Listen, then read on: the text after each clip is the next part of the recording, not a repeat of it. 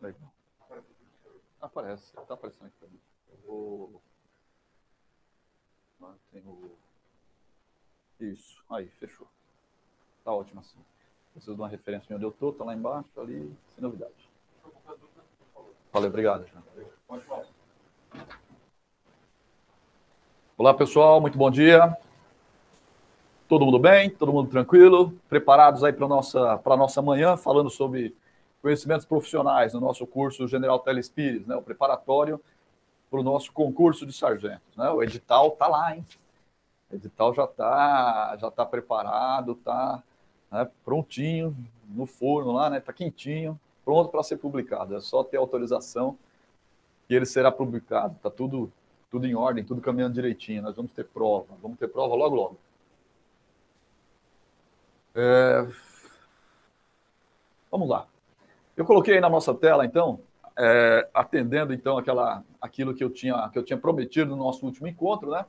Deixei aí na nossa tela é, é agora nesse comecinho de bate-papo uma é, um extrato aí que eu tirei da nossa, das nossas normas que tratam da DGEM e da atividade delegada, aí especificamente é, da norma que trata da jornada extraordinária de trabalho policial, a DGEM, para quê? Para completar, para complementar né, alguma informação que tinha ficado pendente do nosso último encontro. Então, na semana passada, nós falamos sobre diária é, é, extraordinária de trabalho policial, a DGEM, e nós falamos também sobre atividade delegada. Aí um colega tinha, é, aí eu lembro que eu tinha conversado com vocês, tinha dito que precisava atualizar o nosso material, né?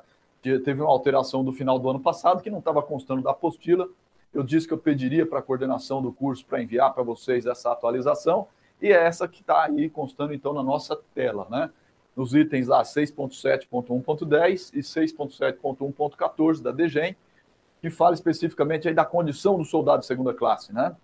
Então, antes, até 2020, olha lá que a ordem complementar ela é de 2020, né?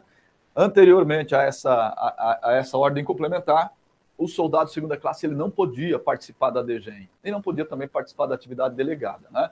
A partir de então, o soldado de segunda classe ele passou a, a, a participar e é, desde que né, ele tenha cumprido ali pelo menos seis meses de estágio probatório após a sua formatura. Né? Esse tempo aí ele é contado do ato de recepção do estagiário lá na sua unidade. Né? Então, essa alteração aí eu pedi já para a coordenação do curso mandar para vocês, para você atualizar lá a sua apostila, porque eu acho que ela tem carinha de questão de prova, né?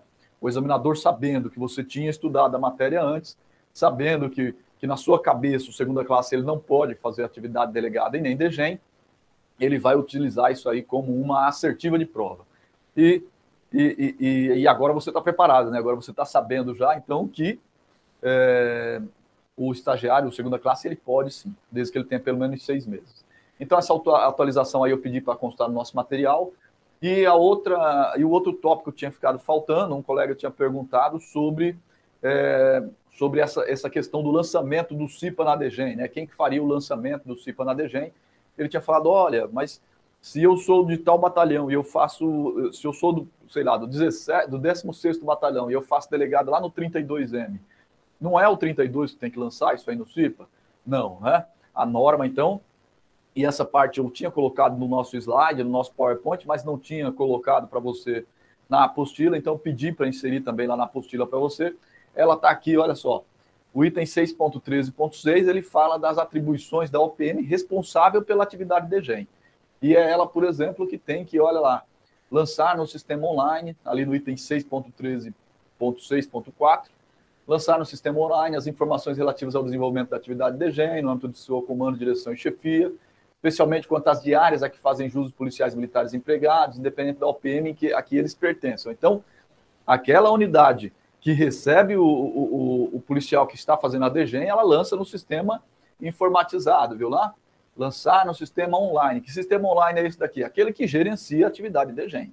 Tudo bem? É o sistema que gerencia a atividade de DGEM. Ela vai lançar lá, inclusive, a quantidade de horas que o militar ele trabalhou, a quantidade de, de diárias a que ele faz jus e assim por diante.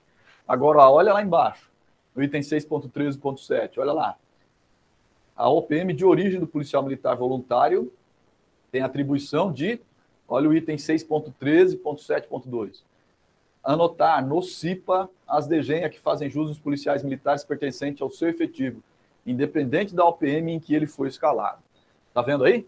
Cuidado, hein? Cuidado com esse negócio. Então, eu fiz, a, eu sou do 16º, fiz atividade de DGEM lá no 32M. O 32M ele tem que lançar no sistema online lá os meus, as minhas horas trabalhadas, tal, enfim. É, ele tem que lançar a quantidade de diárias a que eu faço jus, mas isso aí para quê? Para controle do sistema informatizado da DGEM. Agora, na hora de pagar, a questão de pagamento, questão de lançamento no CIPA especificamente, isso aí quem vai fazer é a minha OPM, né? independente de onde eu esteja escalado. É só você pensar que o CIPA ele precisa ser disponibilizado. O militar, quando ele vai fazer um curso, por exemplo, por exemplo, fora, se ele for ficar à disposição da OPM, ela tem que, é, a OPM de origem, ela tem que liberar o policial no CIPA para que o outro consiga puxar as diárias dele, por exemplo, senão ele não vai receber. Né? Então, o CIPA é da sua OPM, tranquilo?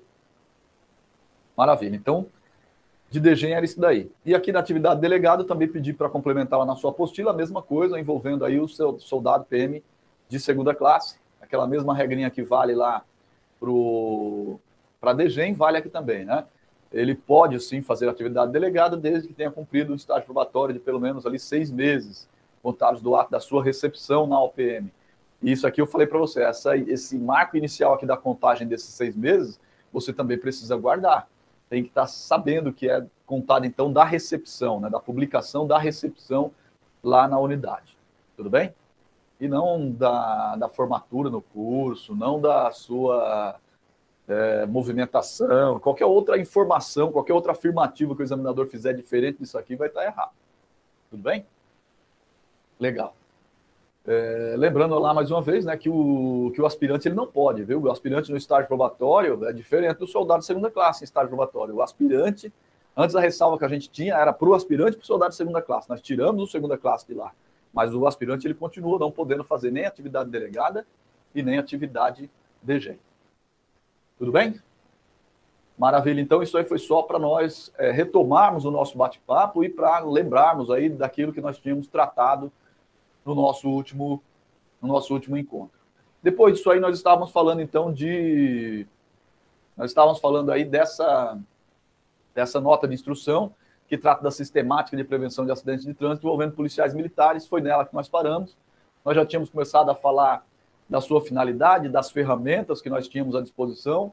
Falamos do PAAV como, como ferramenta de estudo de caso, né? Para essa para análise né, de todos os acidentes que envolvem viaturas, sejam elas operacionais, sejam elas administrativas, em todas as circunstâncias e assim por diante. Então, nós falamos desse PAAV, da aplicabilidade, da abrangência dele, falamos dessa comissão aí, né, que vai, que vai ser a comissão responsável pelo estudo de caso. Eu disse ali que alguns, que nós temos pessoas que formam a comissão e temos pessoas que participam da comissão, né? É, eu falei dessas regras da reunião para estudo de caso, né, que ela tem que ser feita até o quinto dia útil subsequente ao acidente. Se houver um, um impedimento, eu vou. É, que tipo de impedimento? Qualquer tipo de impedimento ali. Por exemplo, um militar que se acidentou, ele ficou internado e não pode participar lá da reunião. Então, eu espero ele se restabelecer, né? Mas havendo um impedimento qualquer que seja, eu marco para uma data posterior.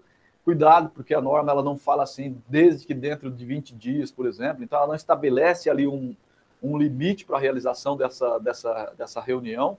Ela fala que você vai poder marcar para a data posterior, mas ela não estabelece um, um prazo é, um prazo final, né?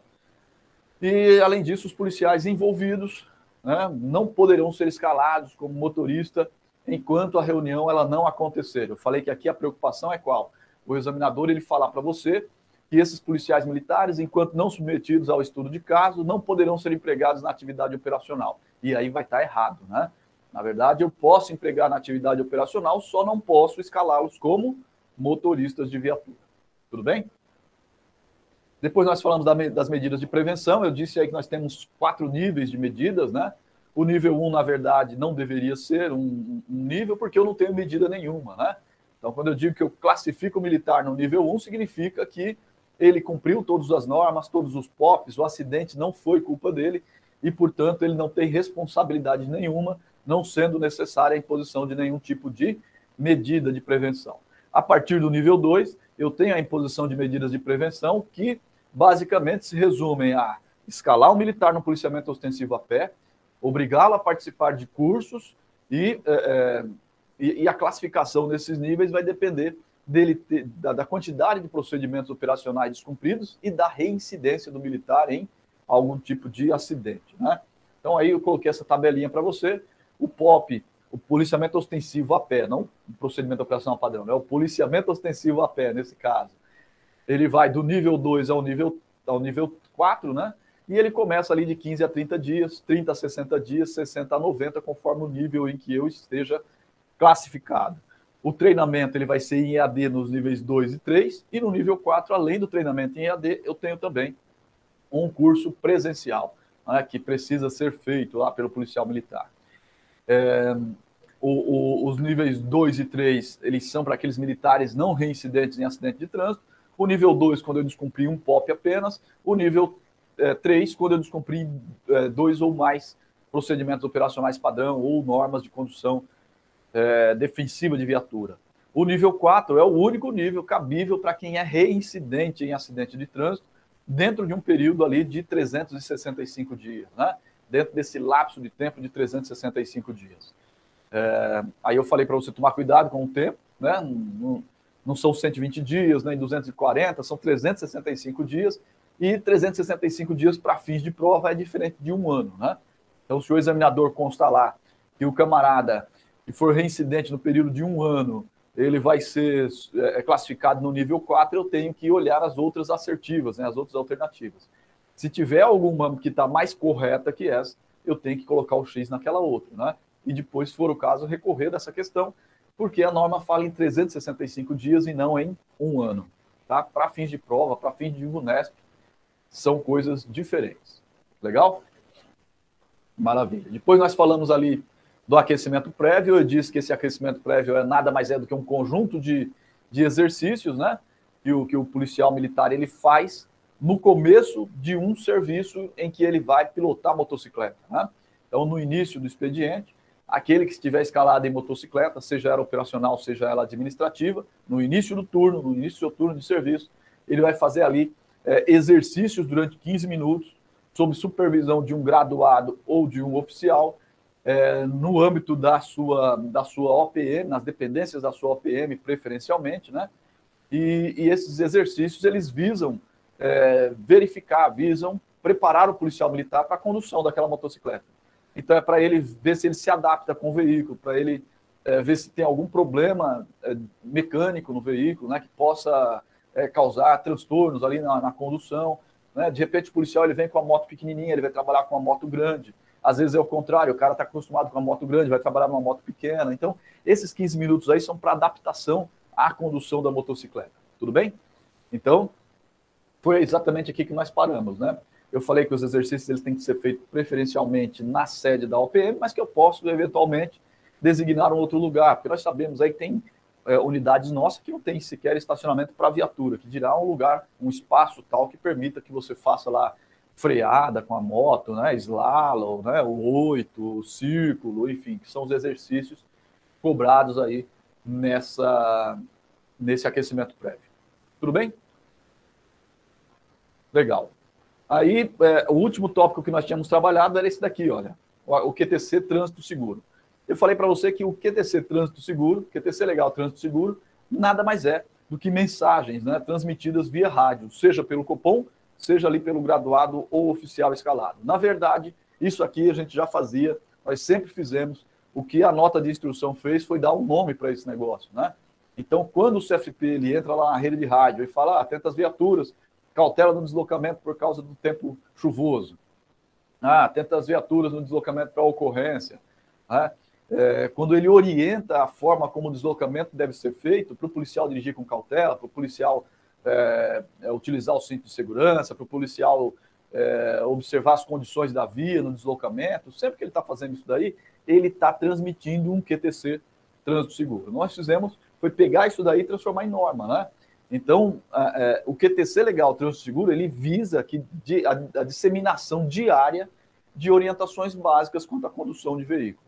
E essas orientações básicas, elas são feitas de duas formas. A primeira forma, justamente pelo graduado ou oficial, né? ele sempre que possível, ele vai estar se manifestando na rede de rádio, orientando a condução de viaturas. Sempre que possível, ele vai estar se manifestando, vai estar falando como que o patrulheiro ele deve se deslocar, ele deve conduzir a viatura, seja em patrulhamento, seja no atendimento de ocorrência. Por outro lado, o Copom ou o CAD, ele também vai fazer a disseminação dessas orientações. No entanto, ele tem orientações padronizadas para fazer. Enquanto o CFP e o graduado ali pode fazer o, da forma como entender conveniente, segundo as circunstâncias do momento, o Copom não, ele tem mensagens padronizadas. Uma mensagem que ele deve ler na primeira quinzena e uma mensagem que ele deve ler na segunda quinzena, né? conforme o tempo ali permita, conforme a comunicação permita. Então, são duas mensagens. O Copom o CAD, ele tem que transmitir duas mensagens por mês, uma na primeira quinzena, outra na segunda quinzena. Isso aí é o QTC legal Transseguro. E aí, a forma como vai ser construído esse negócio não importa, né? A da primeira quinzena é feita pelo Seconsoc, a da segunda quinzena é feita pelo Comando de Policiamento Local, é, mas isso aí não vem, é, não vem muito ao caso agora para a gente, porque são atribuições que não costumam ser cobradas em prova, né? Mas aí ele vai, alguém vai criar uma, uma mensagenzinha, né?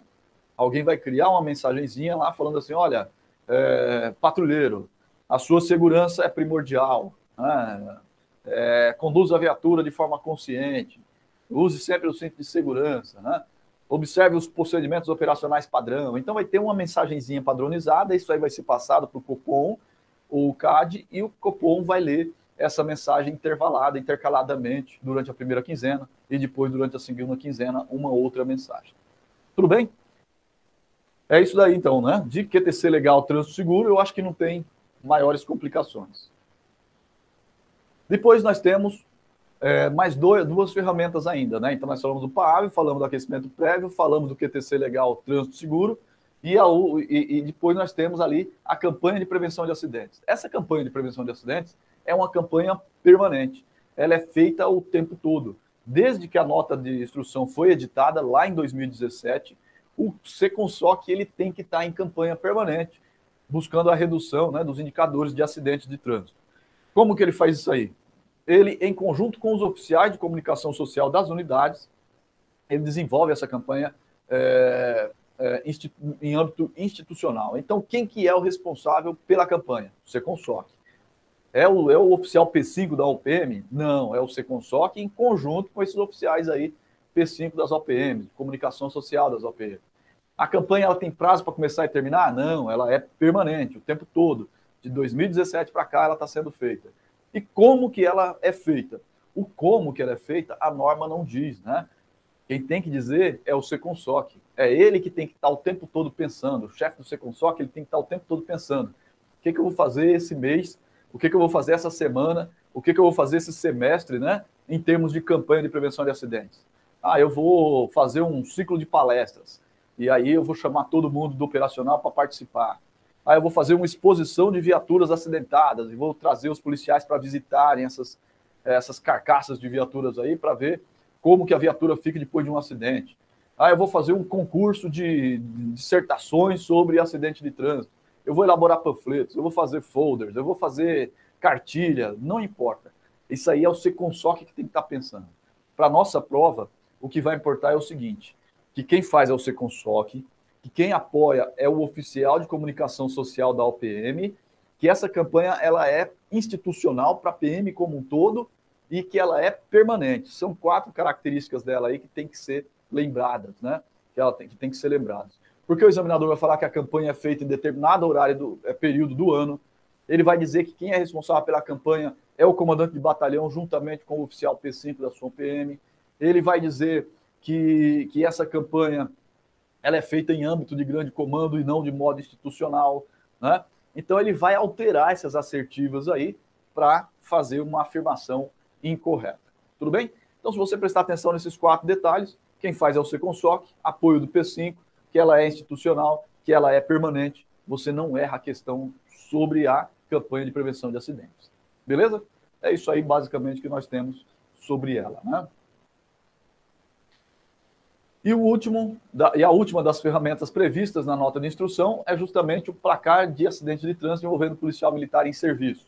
Esse daqui também eu tenho certeza que você já viu. Porque antes mesmo de 2017, antes disso aí ser normatizado, antes de ser transformado em uma regra, nós já tínhamos várias unidades que colocavam lá fixado na sua, no seu quadro de avisos ou em algum outro lugar de fácil é, é, visualização, é, um placarzinho em que ele falava assim: estamos há tantos dias sem acidentes. Né? O placar de acidente de trânsito nada mais é do que isso, né? É um placar, é um cartaz que agora ele tem um modelo padronizado que está anexo à, à, própria, à própria nota de instrução, né? E que ele diz justamente isso, né? Essa unidade, essa companhia, esse batalhão está tantos dias sem acidente de trânsito.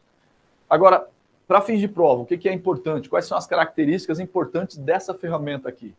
É que é, o, o, as unidades né, que devem colocar esse cartaz são o batalhão e a companhia. Então, veja lá, os comandantes, chefe, o diretor de batalhão ou equivalente e companhia ou equivalente deverão fixar o cartaz nos quadros de aviso da unidade.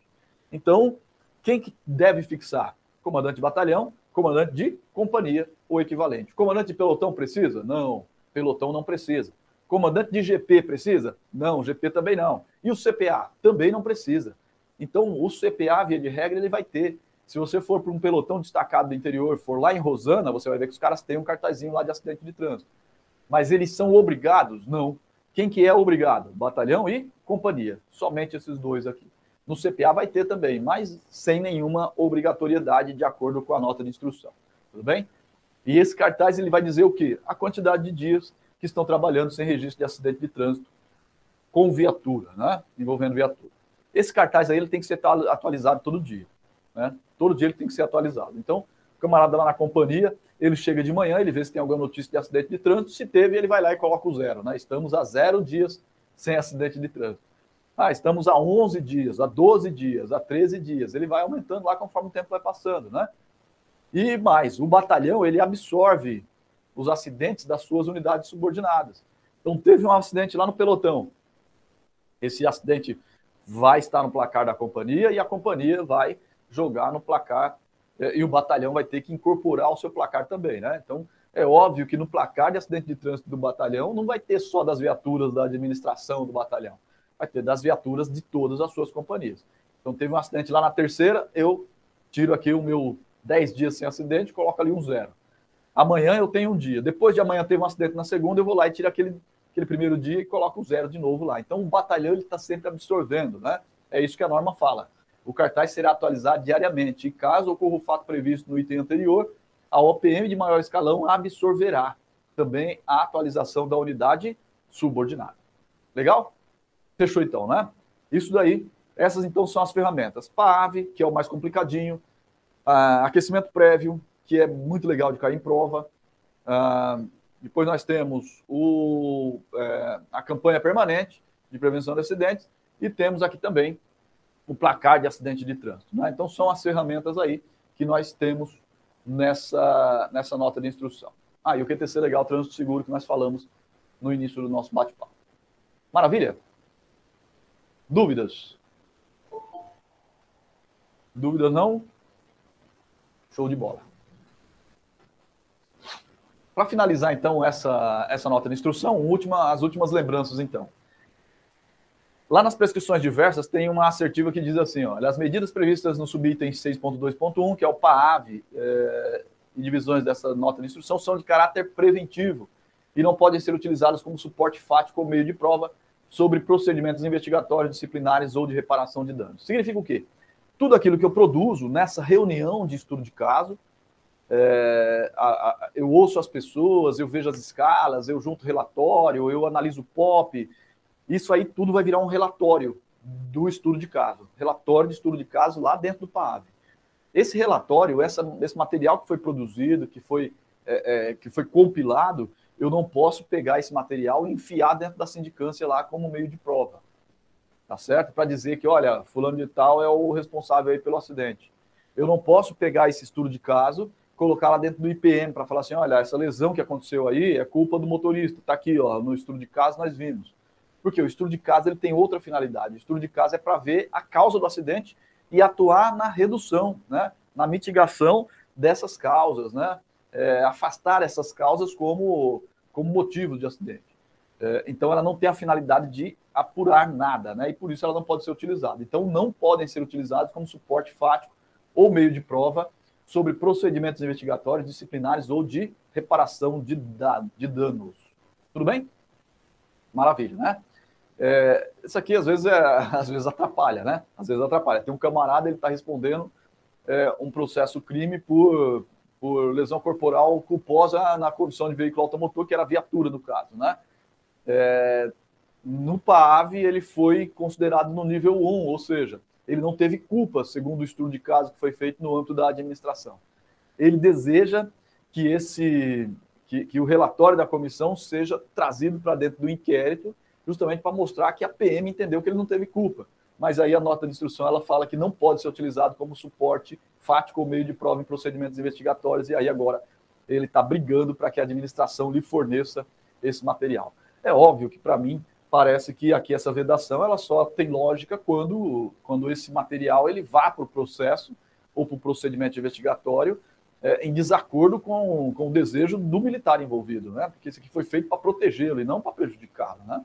Naqueles casos em que o ajuda, é, deveria ser juntado ao procedimento com tranquilidade, mas, enfim, o sistema ele funciona assim. Está escrito ali que não pode, então não pode nem para bem nem para mal, tá certo? Mas passou a prova, o que importa é que não pode juntar, é isso aí que está valendo. Finalmente, nos casos de acidente de trânsito com vítima fatal, os procedimentos desta NI deverão ser realizados sem prejuízo do programa de acompanhamento e apoio ao policial militar, PAPM. Então, nós sabemos que se o acidente de trânsito ele envolve vítimas e ele envolve vítima fatal, o policial militar ele deverá ser apresentado para aquelas análises né, do procedimento, do, do, programa de acompanhamento e apoio ao policial militar. De repente, ele vai ter até que fazer, vai ter até que frequentar lá né, o EEP, é, desenvolvimento psicoemocional, no âmbito do, do PAPM. Talvez ele até tenha que frequentar. Mas o fato dele ser submetido ao PAPM não impede que ele seja também submetido ao PAV, né? Uma coisa não exclui a outra, tudo bem? É, eles dão o, os, nos casos de acidente de trânsito com vítima fatal, os procedimentos de análise de acidente de trânsito deverão ser realizados sem prejuízo do programa de acompanhamento e apoio ao policial militar. Lembrando aqui também que é, eu mantive ali na nossa, no nosso slide, mantive aí no seu material, a referência que é feita a essa nota de instrução, PM 30020314, como sendo aquela que regula o PAPM. Por enquanto, o PAPM ele não cai no nosso, no nosso edital de concurso, né? Mas no ano passado houve uma alteração, foi significativo, foi substancial, né? Na, no regramento do, do PAPM e talvez para o nosso concurso o nosso edital tal, é, possa pedi-lo, né? possa pedir essa norma. Então aqui está desatualizado, não é essa norma, mas eu preferi manter aquilo que está constando ainda hoje na NI. Se, haver, se houver alguma atualização, aí eu mudo para você.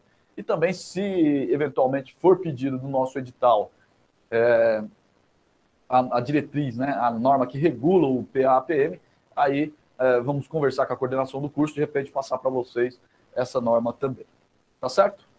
Legal? Eu só faço essa ressalva porque de repente você vai olhar lá na página da, da terceira da terceira MPM vai ver que é, o PAPM não é regido mais por essa, por essa NI aqui. Né? Ele vai falar assim: olha, está constando errado. Não é, é que eu estou seguindo aquilo que está constando na norma ainda hoje. Tudo bem? Fechamos? Vamos ver uma questãozinha bem rápida. Concurso de sargento, prova da VUNESP, o ano de 2018. É, a questão dizia o seguinte: a nota de instrução PM 30020217, que trata da sistemática de prevenção de acidentes de trânsito envolvendo policiais, militares, determina com relação ao aquecimento prévio, então pegou só uma ferramenta daquelas que nós falamos. Aquecimento prévio de condução de viatura que, olha lá, é necessário realizar o aquecimento prévio de condução de motocicleta antes de iniciar o serviço, seja ele de natureza operacional ou administrativo. Verdade ou não? Verdade, não é? Olha lá, aquecimento prévio, motocicleta, antes do início do serviço, viatura operacional ou administrativa. Alternativa A, alternativa correta, muito tranquilo, né? sem problema. Né? Vamos ver o que está errado nas outras. O exercício de aquecimento deverá ser realizado exclusivamente nas dependências da OPM. Lembra que eu falei para você? Tem OPM que não tem espaço para fazer. Não teria lógica a gente cobrar um negócio desse aqui do policial, né? Então, é preferencialmente, né? Exclusivamente não, preferencialmente no, no âmbito da OPM, nas dependências da OPM. A alternativa C, Somente as viaturas operacionais estão autorizadas a realizar o aquecimento prévio. Não, né? nós vimos lá, operacional ou administrativo. Depois, fica terminantemente proibido qualquer tipo de aquecimento. Esse daqui não tem nem, nem o que se falar, né? Não é proibido o aquecimento, seja o aquecimento prévio como ferramenta dessa, dessa nota de instrução, seja o aquecimento lá da viatura, aquele aquecimento mesmo que a gente faz antes de sair conduzindo a viatura. Tudo bem? Tranquilos? Vamos ver se coloquei mais alguma questão? Não, não coloquei. Dúvidas sobre nota de instrução aí da sistemática de acidente de trânsito? Cai em prova? Cai em prova. Vai cair? Vai sim, vai cair.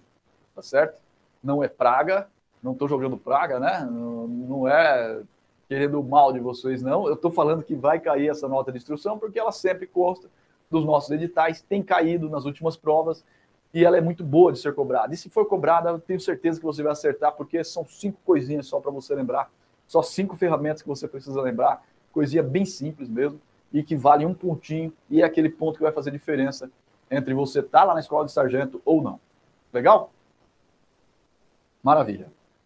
Mais uma mais uma norma, então. Vamos entrar agora na ordem de serviço que trata ali, ó, da, que regula, né? A atuação da PM em face da legislação de proibição de venda de bebida alcoólica para menores de 18 anos. Essa, é, essa ordem de serviço aí, de 2015, a ordem de serviço PM 30020215, de junho de 2015, é ela que vai dizer como que eu devo atuar no atendimento de ocorrência é, em que há a suspeita, ou em que há notícia, em que há o flagrante de, de comercialização, de venda, de entrega de bebida alcoólica para menores de 18 anos. Tudo bem? É, é uma norma que cai também em prova, né? tem caído aí nas últimas provas com muita, com muita frequência. Vamos dar uma olhadinha para a gente entender, para a gente chegar até ela. Vamos fazer um, vamos dar uma passada rápida ali pelo panorama histórico das normas que regulam esse, esse tema é, no âmbito do Estado de São Paulo. Até o ano 2011, o que nós tínhamos ali é que essa conduta ela era punida no âmbito criminal lá nos termos da lei das contravenções penais. É, é havia uma contravenção penal de servir bebidas alcoólicas a menor de 18 anos, veja lá, artigo 63, inciso 1, cuja pena era de prisão simples de dois meses a um ano ou multa de 500 mil réis a cinco contos de réis. A lógica, a multa era atualizada, não era essa daí, mas enfim.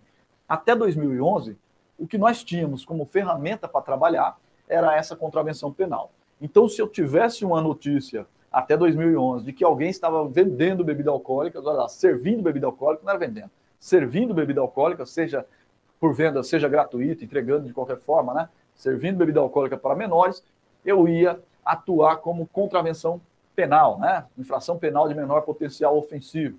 Teria que dar atendimento para a ocorrência nesses termos aqui. Tudo bem? Maravilha.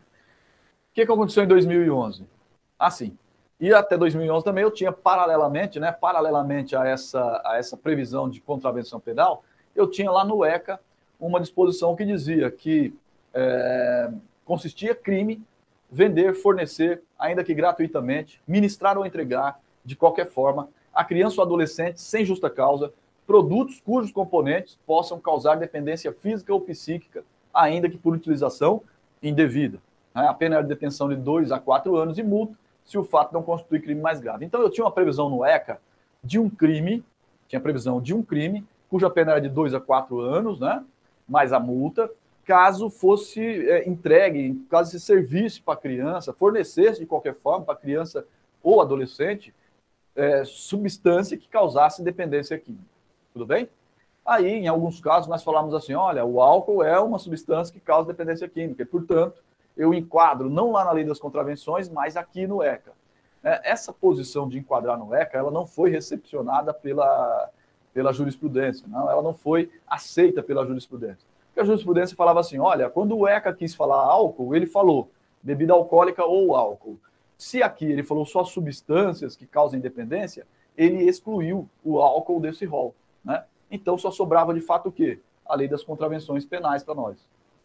Então, até 2011 era a lei das contravenções penais. Mas e o ECA? O ECA ele falava outras substâncias que não o álcool. É, esse era o entendimento da jurisprudência. Era assim que o judiciário entendia. Né? Então, não valia a pena você é, conduzir o camarada pelo crime do ECA, porque não valia a pena conduzir o camarada pelo crime do ECA, porque você sabia que lá na frente o judiciário ia entender que o crime não tinha, é, não tinha acontecido, né? Que o crime não era esse, sim contravenção penal. Tudo bem? Maravilha? Legal. Aí o que aconteceu em 2011? De 2011 em diante, nós passamos a ter também, é, no âmbito estadual, né, uma lei que estabelecia sanções administrativas. Então, em 2011 foi editada essa lei estadual aí, a 14.592, de 19 de outubro de 2011, que transformava a venda de bebida alcoólica para menores em infração administrativa. E aí combinava uma sanção de multa e de interdição, se fosse o caso, a depender da gravidade ali da situação, sem prejuízo das sanções cíveis e penais. Então, até 2011, só a lei das contravenções penais, e depois de 2011, a lei das contravenções penais e também essa previsão de multa administrativa aqui. Nesse sentido aí, foi é, editado o regulamento lá nesse decreto estadual, 57.524, e nós fizemos uma ordem de serviço da PM regulando a atuação nesses casos. Né? Era essa norma aí de 2011. É, nessa, na vigência dessas duas normas, né, eu determina, era determinado que o acionamento dos órgãos de defesa do consumidor. Então, se constatasse a prática da venda de bebidas alcoólicas, eu, auto, eu, eu, eu apresentava a ocorrência como contravenção penal, lá do artigo é, 63, inciso 1 da, da, da Lei das Contravenções, e chamava, acionava os órgãos de defesa do consumidor ou a vigilância sanitária para fazer a autuação pela legislação estadual. E eles iam fazer a multa. Não cabia PM, é óbvio, fazer multa nesses casos aqui. Então, de 2011 até 2015, nós ficamos desse jeito. Conviver as medidas administrativas dessa lei, 14.592, com as medidas penais da lei das contravenções penais, unicamente. Então, era assim que nós tratávamos nesse interregno, nesse intervalo de tempo. O que, que aconteceu em 2015?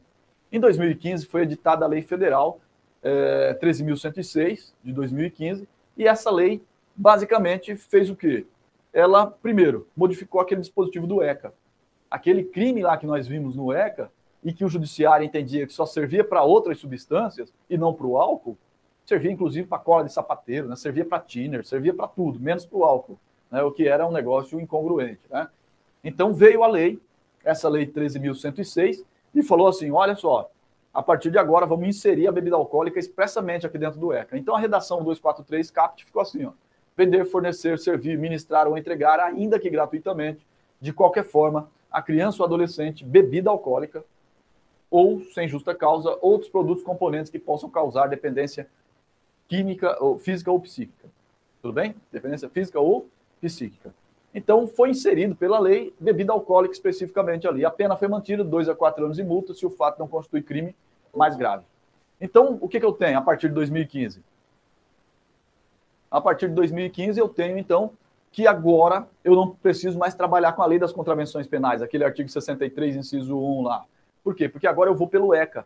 A sanção aqui no ECA é muito mais grave, né? Dois a quatro anos. Não é crime de menor potencial ofensivo. Cuidado, hein? Não é crime de menor potencial ofensivo. Não cabe, é, não cabe suspensão condicional do processo, não cabe nada. É crime grave, hein? A venda de bebidas alcoólicas, e pior, né? Não é só a venda. É vender, fornecer, servir, ministrar, entregar, ainda que gratuitamente, para o menor ali, ó, criança ou adolescente, bebida alcoólica, é crime grave, dois a quatro anos. Não cabe nenhum dos benefícios ali da lei é, 9.099, né? Olha só, o, o, sujeito aqui que pratica essa, essa conduta, ele está ele tá praticando, nos termos legais, né, algo mais grave do que, por exemplo, aquele outro que pratica lesão leve contra alguém. Tudo bem? Então, é, isso aqui é uma ferramenta para a gente trabalhar né, no nosso dia a dia. Cara ele pensa que, um, né, que, que, não está fazendo nada errado, mas se ele serviu bebida alcoólica ainda que gratuitamente para criança ou adolescente, o cara está sujeito a ser preso em flagrante, né, conduzido pelo DP. A gente tem que saber disso daí. Né? A gente precisa conhecer isso daí. Tudo bem? Então o ECA passou, a partir de 2015, a criminalizar explicitamente essa conduta aí. E a pena imposta faz com que o crime não seja de menor potencial ofensivo, como eu já disse, né? não admite a suspensão condicional do processo, não admite nenhum benefício da Lei 9.099. Tudo bem? Então, a Lei 13.106 fez isso com um primeiro tópico. No segundo tópico, ela revogou aquele dispositivo lá da, da Lei das Contravenções Penais, né, aquele 63, inciso 2 que nós vimos. Ela revogou, falou assim: olha, não precisa mais, porque agora está sendo tratado no ECA. Então, acabou. E mais, Essa mesma lei, ela acrescentou lá no artigo 200, é, acrescentou o artigo 258C ao ECA, falando da multa, prevendo o descumprimento da proibição, que, que o descumprimento da proibição desse artigo 258, é, ou, desse artigo 81, inciso 2, que é justamente o que fala da venda da bebida alcoólica, implica em multa de 3 mil a 10 mil reais. Então, é, o que, que eu tenho agora? Qual que é o contexto que, que convive agora, então? No âmbito penal, no âmbito penal, eu tenho o crime do ECA 243, do CAPT do 243, crime que não é de menor potencial ofensivo. No campo administrativo, eu tenho essa multa do ECA, eu tenho essa multa aqui do ECA, e quem vai promover é, a condenação do sujeito a pagar essa, essa multa é o Ministério Público, tem um regulamento próprio dentro do ECA, e eu tenho ainda as sanções administrativas, aquela multa e, o, e, o, e a lacração né, do estabelecimento, a interdição do estabelecimento, pela lei estadual, porque ela está vigente. Essa lei 13.106, ela não revogou a lei estadual, por óbvio, né? Então, eu, eu ainda mantenho uma multa pelo ECA e uma multa pela lei estadual. Tudo bem? É isso que nós temos hoje. Então, se, eu, se me pagam uma ocorrência, se o Copom me pagou uma ocorrência para atender uma ocorrência envolvendo venda de bebida alcoólica, entrega, fornecimento de bebida alcoólica para menores, eu vou lá e eu constato, eu tenho que ter em mente, primeiro, tem o crime. Segundo, tem a infração administrativa pela legislação estadual. Ah, tem a multa do ECA também. Tudo bem, mas isso aí é o Ministério Público que vai se preocupar com essa multa depois. Eu tenho que me preocupar em atender esses dois mandamentos. Crime do ECA, que não é de menor potencial ofensivo, então cabe flagrante, e multa administrativa, multa, sanção administrativa pela legislação estadual, que quem faz a imposição dessa multa? Os órgãos de defesa do consumidor ou a vigilância sanitária. São eles os competentes para autuar o estabelecimento nesses casos. Legal?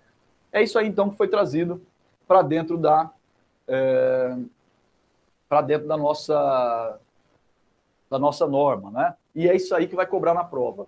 O examinador na sua prova vai falar assim, olha, a equipe X foi despachada para atender, atender uma ocorrência de é, fornecimento de bebida alcoólica para menores. Chegando ao local, constatou que é, fulano de tal tinha entregue gratuitamente a, a, uma criança de 14, a um menor de 14 anos, é, uma latinha de cerveja para consumo próprio. Diante desse fato, é correto afirmar que, e aí ele vai trazer as assertivas ali. Ele vai falar assim: olha, não constitui crime porque a lei revogou a lei das contravenções penais e não teve nenhuma outra previsão de crime para essa conduta. Só há crime se for vendida bebida alcoólica para o menor. E vai estar tudo errado. Todas essas hipóteses aí estarão erradas, né? Então, o que, que eu preciso saber para responder essa questão? Primeiro, ao se deparar com ocorrência de flagrante delito, por inobservância da lei federal, ou for solicitado por populares, restando evidenciada a autoria e materialidade do delito, o policial militar, por imperativo constitucional, e em conformidade com o disposto no artigo 301 e artigo 302 do CPB, do Código Penal Brasileiro, deverá dar voz de prisão ao infrator. Por quê? Porque não é crime de menor potencial ofensivo. Tem que dar voz de prisão. Comunicar o Copom ou CAD.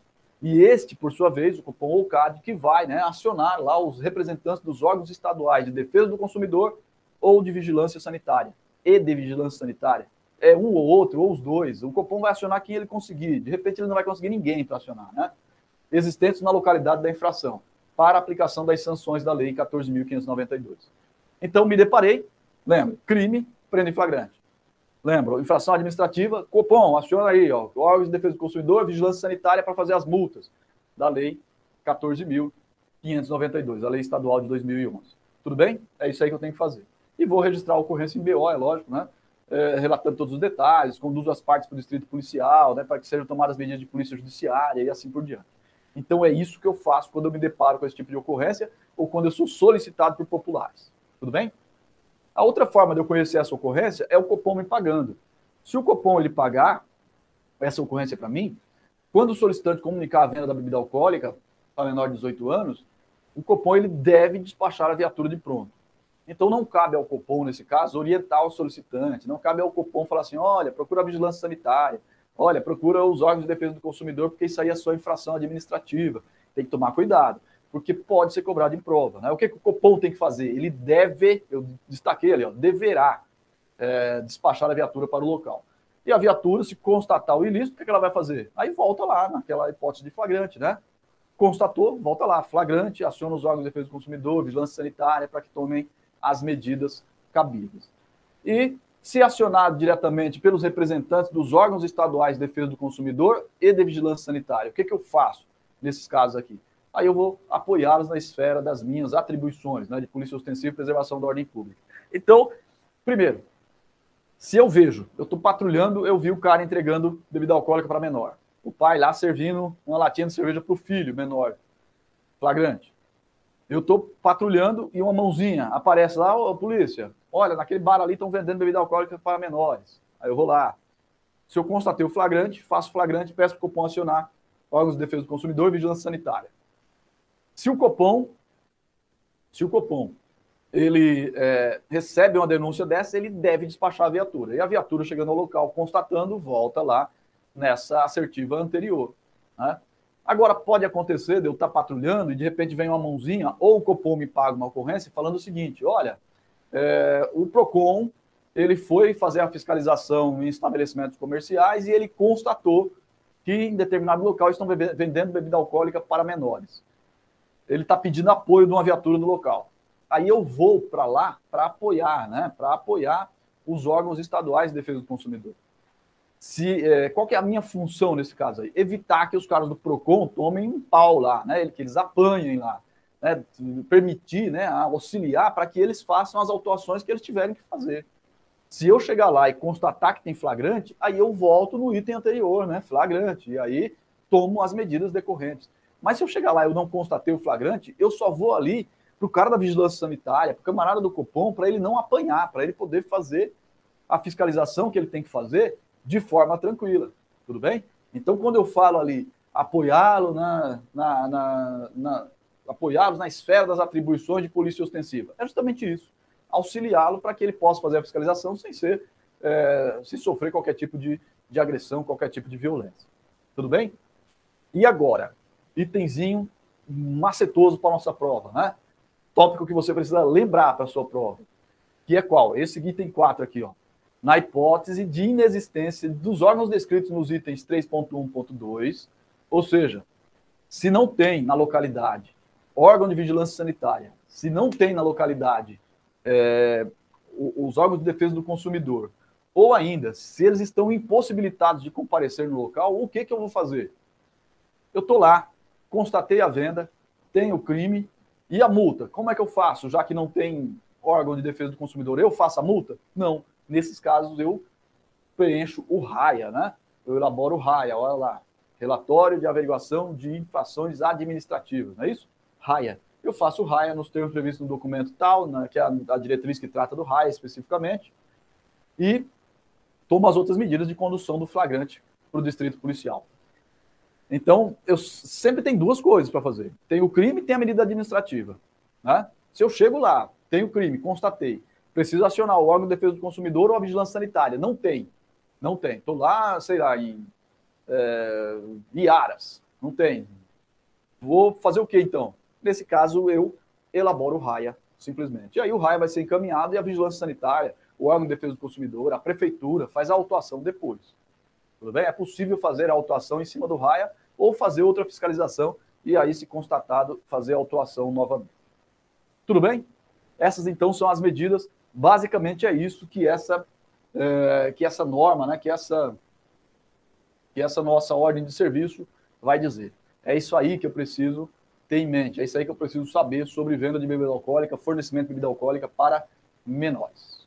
Tranquilos? Show de bola. Vamos ver uma questãozinha de prova, então? Olha lá. Prova de sargento de 2018.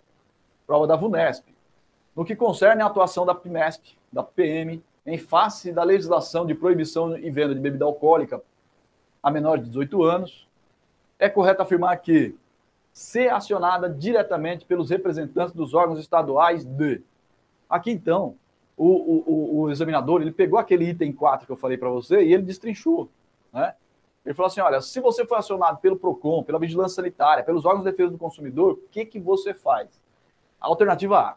Se for acionado pelos órgãos estaduais de defesa do consumidor, deverá, por meio do COPOM ou CAD, é, contatar o PROCON para a adoção das medidas adequadas, conduzindo os envolvidos à delegacia de polícia. Não, né?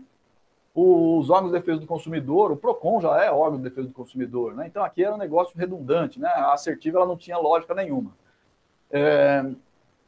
Se o órgão de defesa do consumidor ele já está lá, é ele que vai fazer a autuação. O que, que eu tenho que fazer? Apoiar para que ele não apanhe, né? Apoiar para que o cara consiga fazer a fiscalização normalmente. Eu só vou conduzir para a delegacia de polícia se tiver algum crime a ser apurado. Né? Se eu não constatei a infração penal, né? Se, os, se os fiscais lá do PROCON eles não apanharam, não teve agressão, não teve lesão corporal, não teve nada do gênero, ameaça, não tem porque conduzir para o DP. Está tudo. É, se estava só ali naquele mal-estar é, ocasionado pela fiscalização, né, eu só vou chegar ali, às vezes com a própria ação de presença, eu já vou dissuadir qualquer pessoa da prática de, de, é, de eventuais é, atos né, de violência. Então está errado a alternativa A. B pelos órgãos estaduais de vigilância sanitária, deverá providenciar a elaboração do RAIA, conduzindo os envolvidos à CIA para a elaboração do BO. Está tudo errado, né? Primeiro, se a vigilância sanitária já está lá, se ela já vai fazer a fiscalização, não tem por que eu fazer RAIA. O RAIA ele só serve naqueles casos em que quem deveria fiscalizar não está lá. Não tem órgão de defesa do consumidor, não tem vigilância sanitária, aí eu faço RAIA. Se tem qualquer um desses dois lá, eu não preciso fazer RAIA nesses casos. Mas, eu também, ainda que eu vá fazer o RAIA, eu não tenho que conduzir ninguém para a companhia. O RAIA ele tem que ser feito no local, assim como o BOPM. Os dois são feitos no local. Eu não conduzo ninguém para a companhia para fazer nenhuma dessas medidas. C. Pelos órgãos de defesa do consumidor ou de vigilância sanitária, deverá apoiá-los na esfera das suas atribuições, nas atividades de polícia ostensiva de preservação da ordem pública, é exatamente o textinho da norma, era isso aí que o examinador queria que você respondesse. E a alternativa D, se acionado pelos órgãos de defesa do consumidor, deverá providenciar a elaboração do BOPM, conduzindo os envolvidos à delegacia, evitando da voz de prisão ao infrator. Está errado também, né? Se eu vou conduzir para a delegacia porque eu constatei o flagrante, eu tenho que dar voz de prisão, porque é hipótese de flagrante, sim. Tudo bem? Tranquilo, então? Questãozinha aí do CFS de 2018, né? Provinha de 2018, então. Macetosa, né? Trabalhou só com esse item 4 que eu falei para você, esse aqui, ó, tem que lembrar. O item 4 aí. Tranquilo? Show. E caiu também na prova de cabo de 2020. A, pro, a, a questão caiu de novo, né? Parecido, olha lá. A Lei Federal 13.106 de 2015 acrescentou o crime acrescentou o crime ao Estatuto da Criança e do Adolescente. Na verdade, não acrescentou, né? na verdade, ela só inseriu ali um, a bebida alcoólica, né, como uma das substâncias. E aí ele traz a letra ali do, do dispositivo. O policial militar, ao se deparar com a ocorrência de flagrante delito, da este tipo penal, restando evidenciada a autoria e materialidade, entre outros procedimentos, deverá. Então, o que, é que eu tenho que fazer em caso de flagrante? Dar voz de prisão e conduzir para o DP. É basicamente isso aí. Dar voz de prisão, conduzir para o DP e acionar via Copom ou CAD os órgãos de defesa do consumidor ou de vigilância sanitária para fim de adoção das medidas administrativas, a multa da lei estadual. É isso que eu tenho que fazer, é isso que eu precisava encontrar na questão. Olha lá levar a informação imediatamente ao conhecimento do delegado de polícia, sendo dispensada a elaboração de raia e do BOPM. Não, não é? Se os órgãos de defesa do consumidor ou a vigilância sanitária forem, eu não preciso mesmo fazer raia. Mas BOPM, se tem flagrante, como que eu dispenso? Não pode, né? Que somente será confeccionado eh, na hipótese de prisão em flagrante. Ainda que não. Mesmo que o delegado ele fale assim, ó, oh, eu não vou prender em flagrante não, porque eu não tenho certeza. Eu vou fazer o BO do mesmo jeito. Já conduzi, atendi a ocorrência, né? Eu tenho que fazer BO. B comunicar o Copom o CAD, que deverá acionar a autoridade de polícia judiciária e o conselho tutelar. Cuidado com o conselho tutelar, hein? Aqui, olha só, na norma, a gente não fala conselho tutelar em lugar nenhum, hein? Não tem conselho tutelar. Ah, mas eu não aciono. Eu, talvez você até precise acionar, mas não pela norma. Vamos imaginar que a criança que está, para quem eu entreguei bebida alcoólica, ela não tem pai nem mãe, e ela está em situação de abandono. Não precisa acionar o conselho? Precisa, precisa, mas não por força da norma não por força da ordem de serviço. A ordem de serviço ela não fala em nenhum lugar para acionar o conselho tutelar, então toma cuidado. Se colocar conselho tutelar no meio, fica errada a assertiva. Legal? Então, olha só. Comunicar com o CONCAD que deverá acionar a autoridade de polícia judiciária e o conselho tutelar. Está errado. O COPOM-CAD vai acionar quem? Órgãos de defesa do consumidor e vigilância sanitária. C. Registrar a ocorrência em BOPM, relatando todos os detalhes e encaminhar as partes, infrator, testemunhas e menor ao distrito policial. Certo? Certinho, né? Flagrante é isso aí que eu faço. D. Levar a informação imediatamente ao conhecimento do delegado de polícia, preenchendo obrigatoriamente RAIA e BOPM, que somente será confeccionado na hipótese de prisão em flagrante. Também está errado. O RAIA eu só vou fazer se não tiverem os órgãos administrativos para autuarem. Tudo bem? Maravilha, então, né? Questãozinha boa para cair em prova, hein? Essa norma ela é legal para cair em prova, assim como aquela anterior lá que fala do, da prevenção de acidente de trânsito. São normas simples, as assertivas são bem curtinhas, é coisa operacional, coisa do dia a dia, do cotidiano, coisa que tem muita, é muita chance de cair em prova.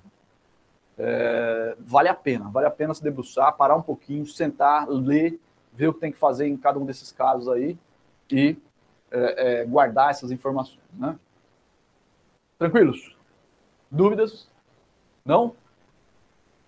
Tá ótimo. O colega tinha feito as perguntas na nossa, no nosso encontro anterior, ele chegou um pouco atrasado. Eu vi na hora que ele acessou aqui, né? Eu vi aqui pelo site que ele acessou um pouquinho mais tarde. Então, para você, chegou um pouquinho depois, eu vi na hora que você chegou, que tinha feito as perguntas no serviço passado, lá no nosso, no nosso encontro passado, né? Sobre DGEM, sobre atividade delegada, que falou que não tinha encontrado lá na nossa, no nosso material de estudo aquela disciplina sobre quem lança no CIPA, né? É, as DGEM. É, eu fiz aí a, eu fiz esse, essa complementação do nosso encontro passado no comecinho da aula. Então pode voltar depois lá, dar uma olhadinha no vídeo, no comecinho, que você vai encontrar essas informações aí. Tudo bem? Vamos seguir, seguir em frente aí. Essa ordem de serviço agora que nós vamos ver é a ordem de serviço que trata da busca domiciliar. Ordem de serviço PM3-00202 de 2018. De 2018. Ela, ela trata da busca domiciliar, né? E ela parte de um pressuposto, de uma hipótese, de uma premissa básica, que é o dispositivo lá do artigo 5 11 da Constituição, que fala que a casa é o asilo inviolável do indivíduo. Ninguém nela podendo penetrar sem o consentimento do morador. E ela traz quatro exceções, né? A, a, o flagrante, o desastre, a prestação de socorro e a determinação judicial. É em cima desse dispositivo constitucional que a nossa ordem de serviço ela vai trabalhar. Né? Dispositivo que está lá na nossa Constituição, que cai na sua prova também, né? É um dispositivo do artigo 5 que cai na prova. Então, olha só. É... A casa é inviolável, certo? Essa é a regra.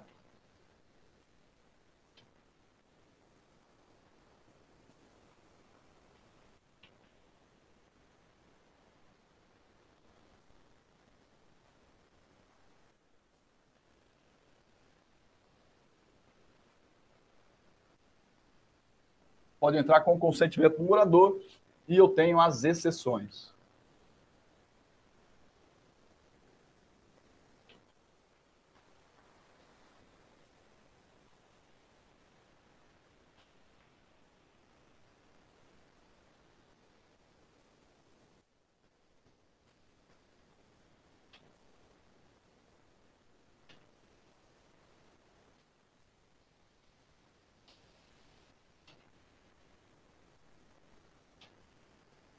Então, no nosso artigo 5 nós temos essa, essa estrutura aqui. Né? A casa é o asilo inviolável do indivíduo, ninguém nela pode penetrar sem o consentimento do morador. Essa questão do consentimento eu vou deixar para falar por último, porque é a ordem que está lá na nossa ordem, que está na, na, nossa ordem de serviço, né? a sequência que está na nossa ordem de serviço. Então, o consentimento do morador eu vou deixar por último. Vamos falar primeiro das exceções. Nós temos quatro exceções. Nos casos de desastre ou para prestar socorro, é, às vezes parece a mesma coisa, mas na verdade, na verdade é diferente. Eu posso é, entrar para prestar socorro sem que tenha desastre, né? mas é alguma coisa muito parecida. No desastre, eu também entro para prestar socorro. Mas, por exemplo, eu passei e ouvi uma pessoa gritando socorro dentro de casa, não está tendo desastre nenhum. Posso penetrar? Pode, para prestar socorro, sim. Né? Posso penetrar no domicílio? Posso, para prestar socorro, nessa hipótese aí. Nos desastres, eu vou entrar também, logicamente, para auxiliar as pessoas. Isso aqui, para nós, só importa na matéria de direito constitucional. Só em constitucional. Para a matéria de procedimentos operacionais, de conhecimentos profissionais, não vem ao caso essas hipóteses de desastre e socorro. A ordem judicial é o mandado, né? Aqui nesse caso eu tenho um mandado de busca é, e aí eu vou ingressar na eu vou ingressar no domicílio ainda que sem o consentimento do morador. A importância do mandado judicial, da ordem judicial é que eu só posso cumpri-la durante o dia, né? Durante o dia. O, a ordem judicial, mandado de busca, eu só posso cumprir durante o dia. É... para nós hoje, né, havia uma discussão até certo tempo atrás se, se era possível ao judiciário emitir mandados de busca domiciliar para a polícia militar. Recentemente, o próprio eh, Tribunal de Justiça ele editou um provimento dizendo que sim, que é normal, que pode emitir mandado de busca para PM, sim. Então, se eventualmente eu faço um pedido bem fundamentado, é, indicando a possibilidade de prática de um, de, um, de um ilícito penal em determinada casa, pode ser que o judiciário ele me garanta um mandado judicial. E aí eu vou cumprir durante o dia. Essa questão de durante o dia, não vamos entrar agora, é matéria de direito penal, né? depois o professor de penal fala isso com vocês. É, se é das 6 às 18, se é durante o, o, o período de tempo que tem a luz solar, enfim. Isso aí não vem ao caso para a gente agora. O que importa só é que, no, é, que o mandado judicial eu só posso cumprir durante o dia. O que a nossa ordem de serviço está preocupada de fato, essa ordem aqui, o que motivou essa ordem de serviço, na verdade, foram as hipóteses de flagrante, né? Foram as hipóteses de flagrante. Por quê? Porque até certo tempo atrás, qual que era é, a, a regra do jogo? Qual era a regra do jogo? Eu estou patrulhando, vi um camarada é, em atitude suspeita, esse camarada ele correu para dentro da casa, ele ingressou no domicílio, eu fui atrás dele e tal. É, encontrei lá dentro uma grande quantidade de drogas. Eu tenho um flagrante permanente. A entrada no domicílio foi uma entrada legítima e, portanto, a minha ocorrência ela está redonda. Estava patrulhando, tinha uma notícia de que determinada pessoa estava praticando um crime de tráfico de drogas em algum lugar. Resolvi entrar. Não é nem que eu vi alguém correndo para dentro, tá? Eu estou patrulhando, eu vi, eu falei assim, meu, tem essa denúncia aqui, ó, chegou a ouvir 181, tá falando, tem muitos detalhes, eu acho que é verídica, né? Vamos cair para dentro? Vamos. Aí a gente caía para dentro. E saía procurando a tal da droga, né? Porque tinha denúncia, eu saía procurando a droga. Ah, procurava, procurava, procurava, revirava a casa do cara inteirinha, não achava a droga. Aí, por uma sorte, encontrava lá uma, uma, uma 635. Encontrava uma pistola lá, né? Uma arma qualquer, um, um revólver, né? um pica-pau qualquer antigão lá, mas encontrava uma arma a ocorrência estava redonda, né? Eu ingressei no domicílio, tá lá o flagrante na mão, né? Não era de droga, mas era uma arma, tá valendo, né? Tá na mão, leva o DP, apresento e flagrantão bonito, ocorrência redondinha, né? Até um tempo atrás funcionava desse jeito. A nossa jurisprudência, os nossos tribunais superiores, o nosso judiciário, ele tem passado, ele tem mudado esse entendimento. Né? Os tribunais, eles têm exigido que nós indiquemos, nós policiais militares, indiquemos a fundada razão que determinou o ingresso. Fundada razão que determinou o ingresso. E essa ideia de fundada razão é o que está dando novidade. Fundada razão. Por quê? Porque ninguém sabe o que é isso. Né? Nem o próprio judiciário que está exigindo sabe o que são fundadas razões ou fundada razão para o ingresso em domicílio. Né? Então a gente só consegue ter uma, uma vaga ideia do que seria fundada razão a fundada razão seria o conjunto de informações que eu tenho, né? aquela série de informações que eu tenho, e que me é, dão uma quase certeza de que está ocorrendo um flagrante dentro daquela casa. Uma certeza ou uma quase certeza de que dentro daquela residência está acontecendo um crime permanente e que eu posso ingressar é, e prender em flagrante aquela pessoa. Então, a fundada razão seria isso, esse conjunto de informações. Então, não basta uma informação apenas, tem que ser um conjunto estruturado de informações um conjunto estruturado que me convença. Essas fundadas razões aqui é o que eu colocaria no ofício para o juiz se eu fosse pedir um mandado de busca, se eu fosse pedir uma ordem judicial. As fundadas razões é aquele monte de explicação que eu colocaria no ofício para convencer o juiz a me dar um mandado. Tá certo? Então, eu estou lá patrulhando, aí tem uma denúncia 181 de que o cara está, um disque denúncia, né? De que aquele camarada está fazendo tráfico naquela casa. É suficiente o 181? Não é. Por quê? Porque é um indício só. É só uma indicação. Não é fundada a razão. O que, que eu tenho que fazer? Eu teria que, de repente, colocar o P2 para fazer uma campana. Filmar, fotografar o entra e sai de pessoas tal. Ah, beleza, tá entrando, tá saindo bastante gente tal. Tem um, um movimento que, cara, que era característico do tráfico. Maravilha. Vamos esperar um cara sair, vamos abordar. Aí aborda um cara que está saindo, o cara está lá com uma pedra de crack. Meu, onde você comprou? Ah, eu comprei naquela casa. Beleza, eu tenho a denúncia, eu tenho o entra e sai, eu tenho um cara que eu peguei falando que comprou lá eu tenho agora fundadas razões para o ingresso. Tudo bem? Eu tenho fundadas razões. Ah, por que você não pede mandado? Porque se eu pedir o mandado, pode ser que a prova desapareça. Então é urgente. Então, ao invés de eu contar isso para o juiz pedir um mandado, eu vou entrar. Essa é a fundada razão. Compreendeu? Essa aí seria a fundada razão. Mas são fundadas razões. É um conjunto de um conjunto de indicativos. É isso que o judiciário quer. Agora está a, a, preocupação é, na prática é a seguinte: é fundada a razão de quê, né? Eu tenho fundada a razão para ingressar porque estaria acontecendo o crime de tráfico. Piorou um pouquinho a situação, viu? Porque se eu entro lá e não tenho tráfico, tem, por exemplo, o porte de arma, como tinha aqui, o cara está com a 635, o meu ingresso ele é um ingresso ilegal. Ele é ilegal por quê? Porque eu tinha uma certeza de que tinha tráfico. O tráfico tinha? Não. Então falta um elemento para o ato administrativo. Né? Essa ação é um ato administrativo. Falta para ele um elemento, que é o motivo, a razão de fato que determinou o ingresso. A razão de fato que determinou o ingresso. Se o motivo ele é inexistente, se o motivo é inválido, se o tráfico não existe, o meu ingresso ele é um ingresso ilegal, é um ingresso ilícito. Ah, vou responder por abuso de autoridade. Talvez sim, talvez não, porque eu ingressei, mas tinha alguma coisa lá tal. Eu tinha fundado as razões para ingressar tal, mas não era aquele motivo especificamente. O tráfico ele não existia. Eu peguei outra coisa. Eu peguei outra coisa. Tá certo? Então, tem que tomar cuidado com isso daí. Mas, enfim, o que é a tal da fundada razão? Um conjunto de indicações de que dentro daquela, daquele imóvel, daquela residência, está acontecendo um crime. Né? E que eu posso prender alguém em flagrante se eu entrar ali naquela hora.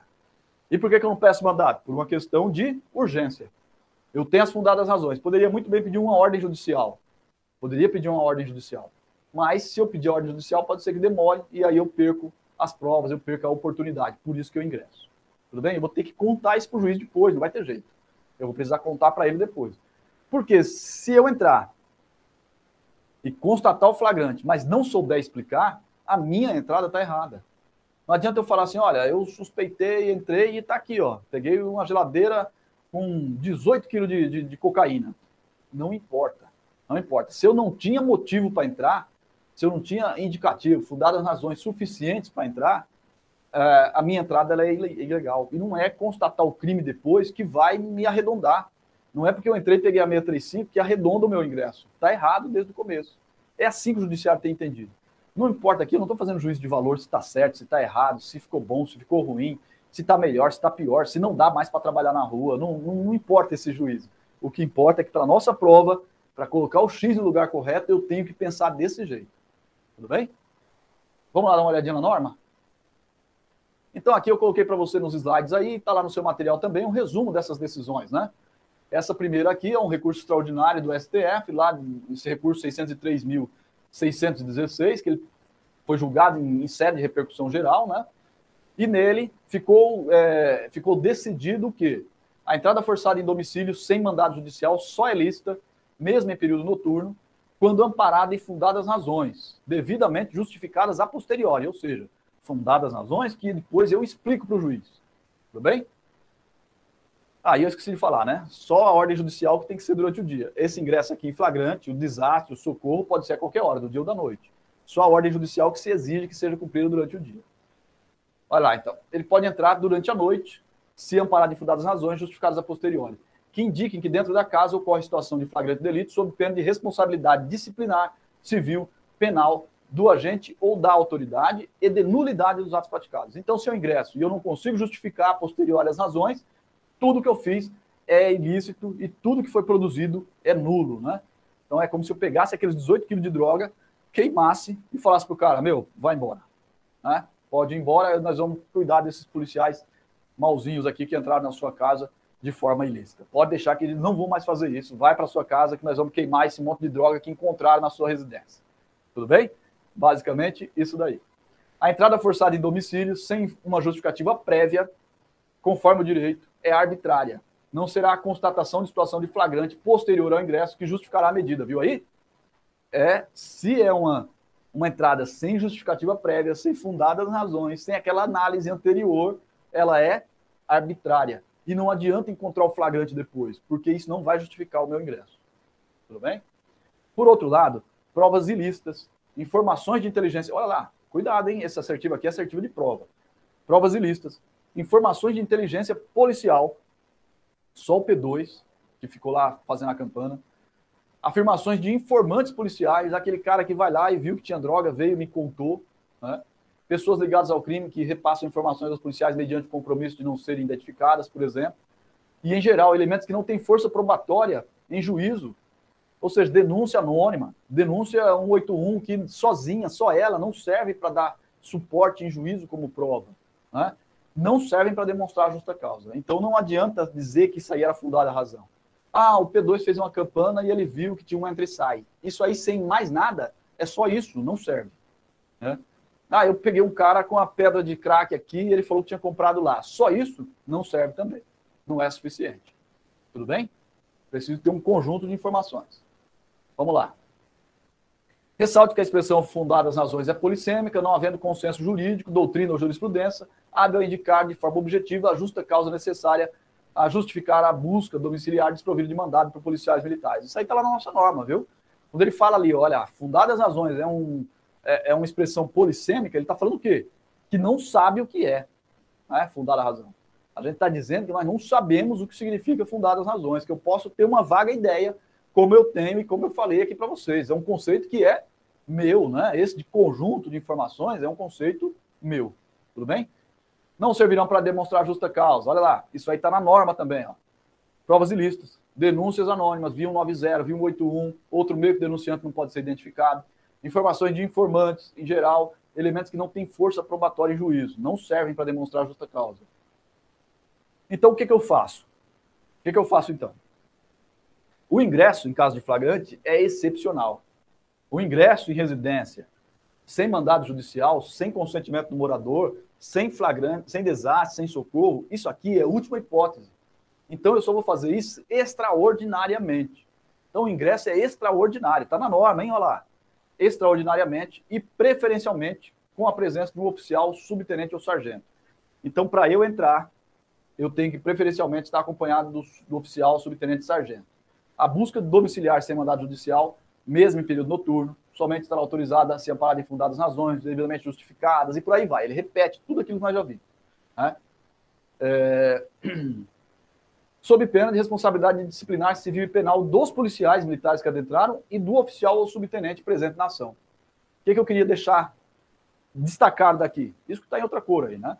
A entrada em situação de flagrante é extraordinária. Preferencialmente, não é obrigatoriamente, eu tenho que ter um oficial, subtenente ou sargento junto comigo. Para quê? Para eu amarrar o rabo desses caras aqui. Ah, mas se lá na cidade que eu trabalho não tem nenhum sargento, não tem oficial à noite, e eu quero entrar à noite. Aí não, né? A gente está falando ali preferencialmente. Então não é obrigatório, é preferencialmente. Tudo bem? É, Para que, que eu tenho que estar tá com esses, essas, essas pessoas juntos comigo? O oficial, o subtenente, o sargento. Para poder amarrar o rabo dele, porque olha lá embaixo responsabilidade disciplinar, civil e penal dos policiais que adentraram e do oficial subtenente presente na ação. Então todo mundo responde. Não sou eu sozinho. Isso aqui é para quê? Né? Na prática. É para reduzir o ímpeto de entrar. Né? Isso aqui é para diminuir o ímpeto, o ímpeto de entrar. Fala assim, meu, você tem certeza que vai deixar os caras entrarem? Se eles entrarem, não, são, não é só eles não, viu, que vai ficar preso. São eles e você também, né? Você aí, CGP.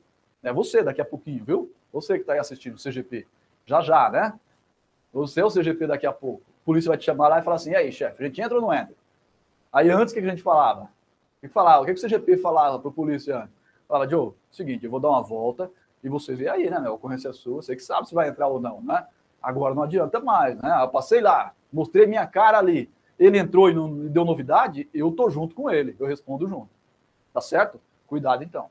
Havendo fundadas razões, verificadas a partir de análise dos dados, olha lá, aí aqui ele dá uma ideia do que seriam as fundadas razões verificados a partir da análise dos dados e informações obtidas no local. Então é quem está lá que vai ver se tem fundada a razão ou não. Que leva à conclusão de que a infrator em condição de ser autuado em flagrante poderá entrar na residência em busca do indivíduo sem a necessidade de prévia autorização judicial. Então, só de forma extraordinária. Tudo bem? E se eu tenho dúvida? Se eu não tenho certeza do flagrante, se eu tenho dúvida, se sobrou alguma dúvida, o que, que eu faço? Se permanecer dúvidas sobre a existência de prática delituosa, em andamento ou indivíduo em fuga devido ao cometimento de crime, seja pela insuficiência ou inconsistência das informações obtidas ou dos fatos observados, as medidas possíveis são. Então, nessas hipóteses, eu estou falando assim, eu tenho dúvida. Na verdade, eu não tenho certeza que o cara está lá. Na verdade, eu não tenho certeza que tem um flagrante lá dentro, né? Ah, tem aqui uma indicações, mas não é suficiente, falta dados ainda, é inconsistente. Fulano falou que tinha, mas o outro disse que não, que não foi ali que ele comprou, que esse cara ele compra na rua. Né? Então, é inconsistente a informação, não é suficiente, o que, é que eu faço? Se for possível, com os meios que dispõe a OPM ou advindos de apoio prestado pelo escalão superior, deverá cercar, monitorar a residência e pedir o mandado de busca. É isso.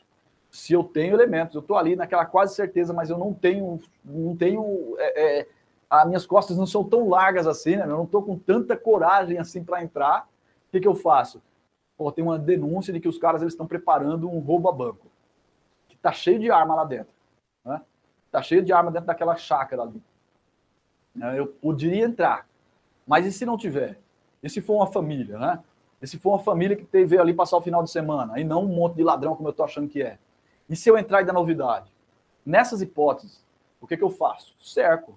Faço o cerco, peço o mandado judicial, espero amanhecer o dia e aí eu caio para dentro com a ordem judicial e aí sim eu faço de forma correta. Caso contrário, se eu não acho que, que dá para entrar, se eu não acho que é, o, que é o caso de fazer o cerco e pedir o um mandado de busca, se eu não tenho elementos nem para pedir um mandado de busca, que dirá para entrar? Né? Então, se eu acho que não tem elementos para pedir um mandado de busca, o que, que eu faço? Deixo o local. Deixo o local. Mas eu registro os fatos em BOPM e transmito as informações à delegacia de polícia para a adoção das medidas investigativas pertinentes. Tudo bem? O que é importante daqui? O importante daqui é que eu sempre tenho que fazer BO desses casos. Eu preciso fazer o BO mesmo quando eu não entro? Sim. Porque imagina, a gente está falando de tráfico, a gente está falando de porte de arma, a gente está falando de criminosos que estão lá preparando uma empreitada criminosa. Mas imagina que não seja nada disso, que seja um bingo. Né? Ah, o Copom me pagou um bingo. Aí eu cheguei lá na porta, eu fiquei na dúvida, porque parece uma casa. Se eu entrar e não for bingo, e for a casa de alguém, né, eu vou ter que arrombar esse portão para poder entrar. Né? Eu também não acho que seja o caso de cercar. Não vou cercar o quarteirão inteiro e esperar amanhecer para pedir um mandado de busca por causa de um bingo, porque eu não tenho informações suficientes. Né? Ah, eu tenho um monte de câmera, um portão de ferro tal, mas eu não tenho nem pessoas entrando e saindo, porque está todo mundo trancadinho lá dentro, vira as viaturas pela câmera e fica todo mundo lá dentro quietinho, né? Então eu não tenho nem subsídio para pedir mandado de busca ou para cercar o local. Então o que, que eu faço? Faço BO, mando lá para o DP, porque amanhã ou depois, se alguém me denunciar falando assim, olha, eu liguei o 90, falei que tinha um bingo, a viatura foi no portão, não fez nada e foi embora. Eu tenho um registro de BO. Falando assim, olha, eu fui até o portão, tava desce daquela forma, não dava para entrar porque eu não tinha certeza do flagrante, não dava para pedir mandado de busca porque eu não tinha elementos suficientes para pedir, e portanto eu fiz o BO, registrei o BO e passei para a delegacia para eles investigarem se tem ou não um crime ali. Essa é a, providência correta. Esse é o caminho correto. Por isso que ele fala, ó, deverá deixar o local e registrar os fatos em BOPM transmitindo as informações à delegacia de polícia para a adoção das medidas investigativas pertinentes. Tudo bem? Importante, hein? Destaquei ali, ó. Qualquer ocorrência de natureza criminal, que seja, seja ela flagrante delito ou não, isso aí está na norma também, beleza? Está lá no texto da norma. Cujo desdobramento, prisão do infrator, averiguação posterior à ação delituosa, sugere ao policial militar a possibilidade de entrar em residência, deverá ele, além das, das providências operacionais e administrativas pertinentes ao caso, registrar o respectivo BOPM, bem como fazer registrar os procedimentos de polícia judiciária eventualmente efetuados pelo delegado de polícia, as razões pelas quais entrou ou deixou de adentrar o domicílio, motivando sua decisão por meio de relato sucinto acerca dos fatos.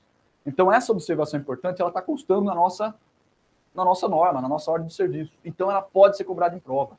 Ele fala assim, pagaram para você uma ocorrência. É de natureza criminal. Sim. É flagrante ou pode não ser. Sim. Você foi até lá e ficou na dúvida se entrava ou não. É. Então você relata isso aí BO. Você fala, olha, entrei por isso ou não entrei por isso. E na hora que for apresentado no DP, você fala assim, ó, eu fui até lá no bingo e não entrei por causa disso. Tinha uma denúncia de bingo, mas eu não tinha certeza, por isso eu não entrei. Tinha uma denúncia de bingo, mas eu não tinha elementos nem para pedir o um mandado, então por isso eu só estou registrando aqui. Né? Então a norma ela manda fazer dessa forma. Legal? Pelas quais adentrou ou deixou de adentrar. O examinador ele vai falar o quê? Ele vai falar que você só precisa lançar no BO aquelas hipóteses em que você entrou, e aí vai estar errado. Não é só quando eu entro, é quando eu entro ou quando eu não entro. Tudo bem? Legal. Vamos ver o que mais? O consentimento do morador, legal. Chegamos no consentimento. Então nós falamos das exceções. A casa é asilo inviolável, o camarada só pode entrar com consentimento ou nessas exceções aqui. O que motivou a norma de fato foi o flagrante, foi os casos de flagrante. É por isso que nós é, é por isso que nós é, editamos a ordem de serviço, tudo bem? Pelo caso do flagrante. No entanto, é questão extremamente relevante essa do consentimento, porque a nossa Constituição ela fala que ninguém podendo nela penetrar sem o consentimento do morador. Morador. E não moradores. Morador. A Constituição ela fala sem o consentimento do morador. E aí surge um monte de discussões, né? Ah, quem que é o morador? Ah, qualquer um. Né? Teoricamente, se a Constituição ela fala que eu só posso entrar se tiver consentimento do morador, qualquer morador que me autorize, eu posso entrar. Não é bem assim, né? Não é bem assim. Hoje, a norma ela diz o seguinte: o consentimento ele só é válido, a regra, né? A doutrina, a jurisprudência, ela diz o seguinte: o consentimento ele só é válido se o sujeito ele tiver capacidade de consentir.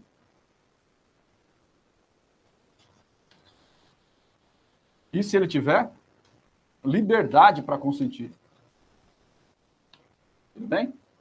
consentimento ele só é válido se o camarada ele tiver capacidade para consentir e liberdade. Por quê?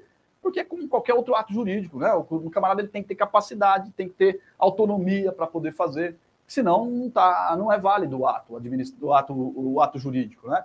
Capacidade é o quê? Capacidade é o é, capacidade é como é que eu vou dizer? A, a, a, personalidade tal que lhe permita, né? Conhecer e querer. Ele sabe o que está fazendo e ele quer fazer aquilo, né?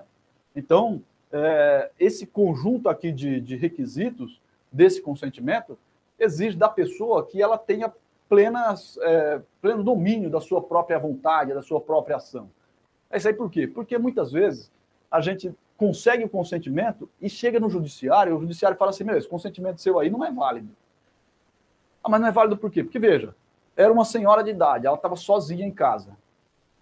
Né? Ela mora ela e o filho dela, mas o filho dela não estava ela estava sozinha em casa. Chega lá, duas equipes de força tática com, com oito polícias.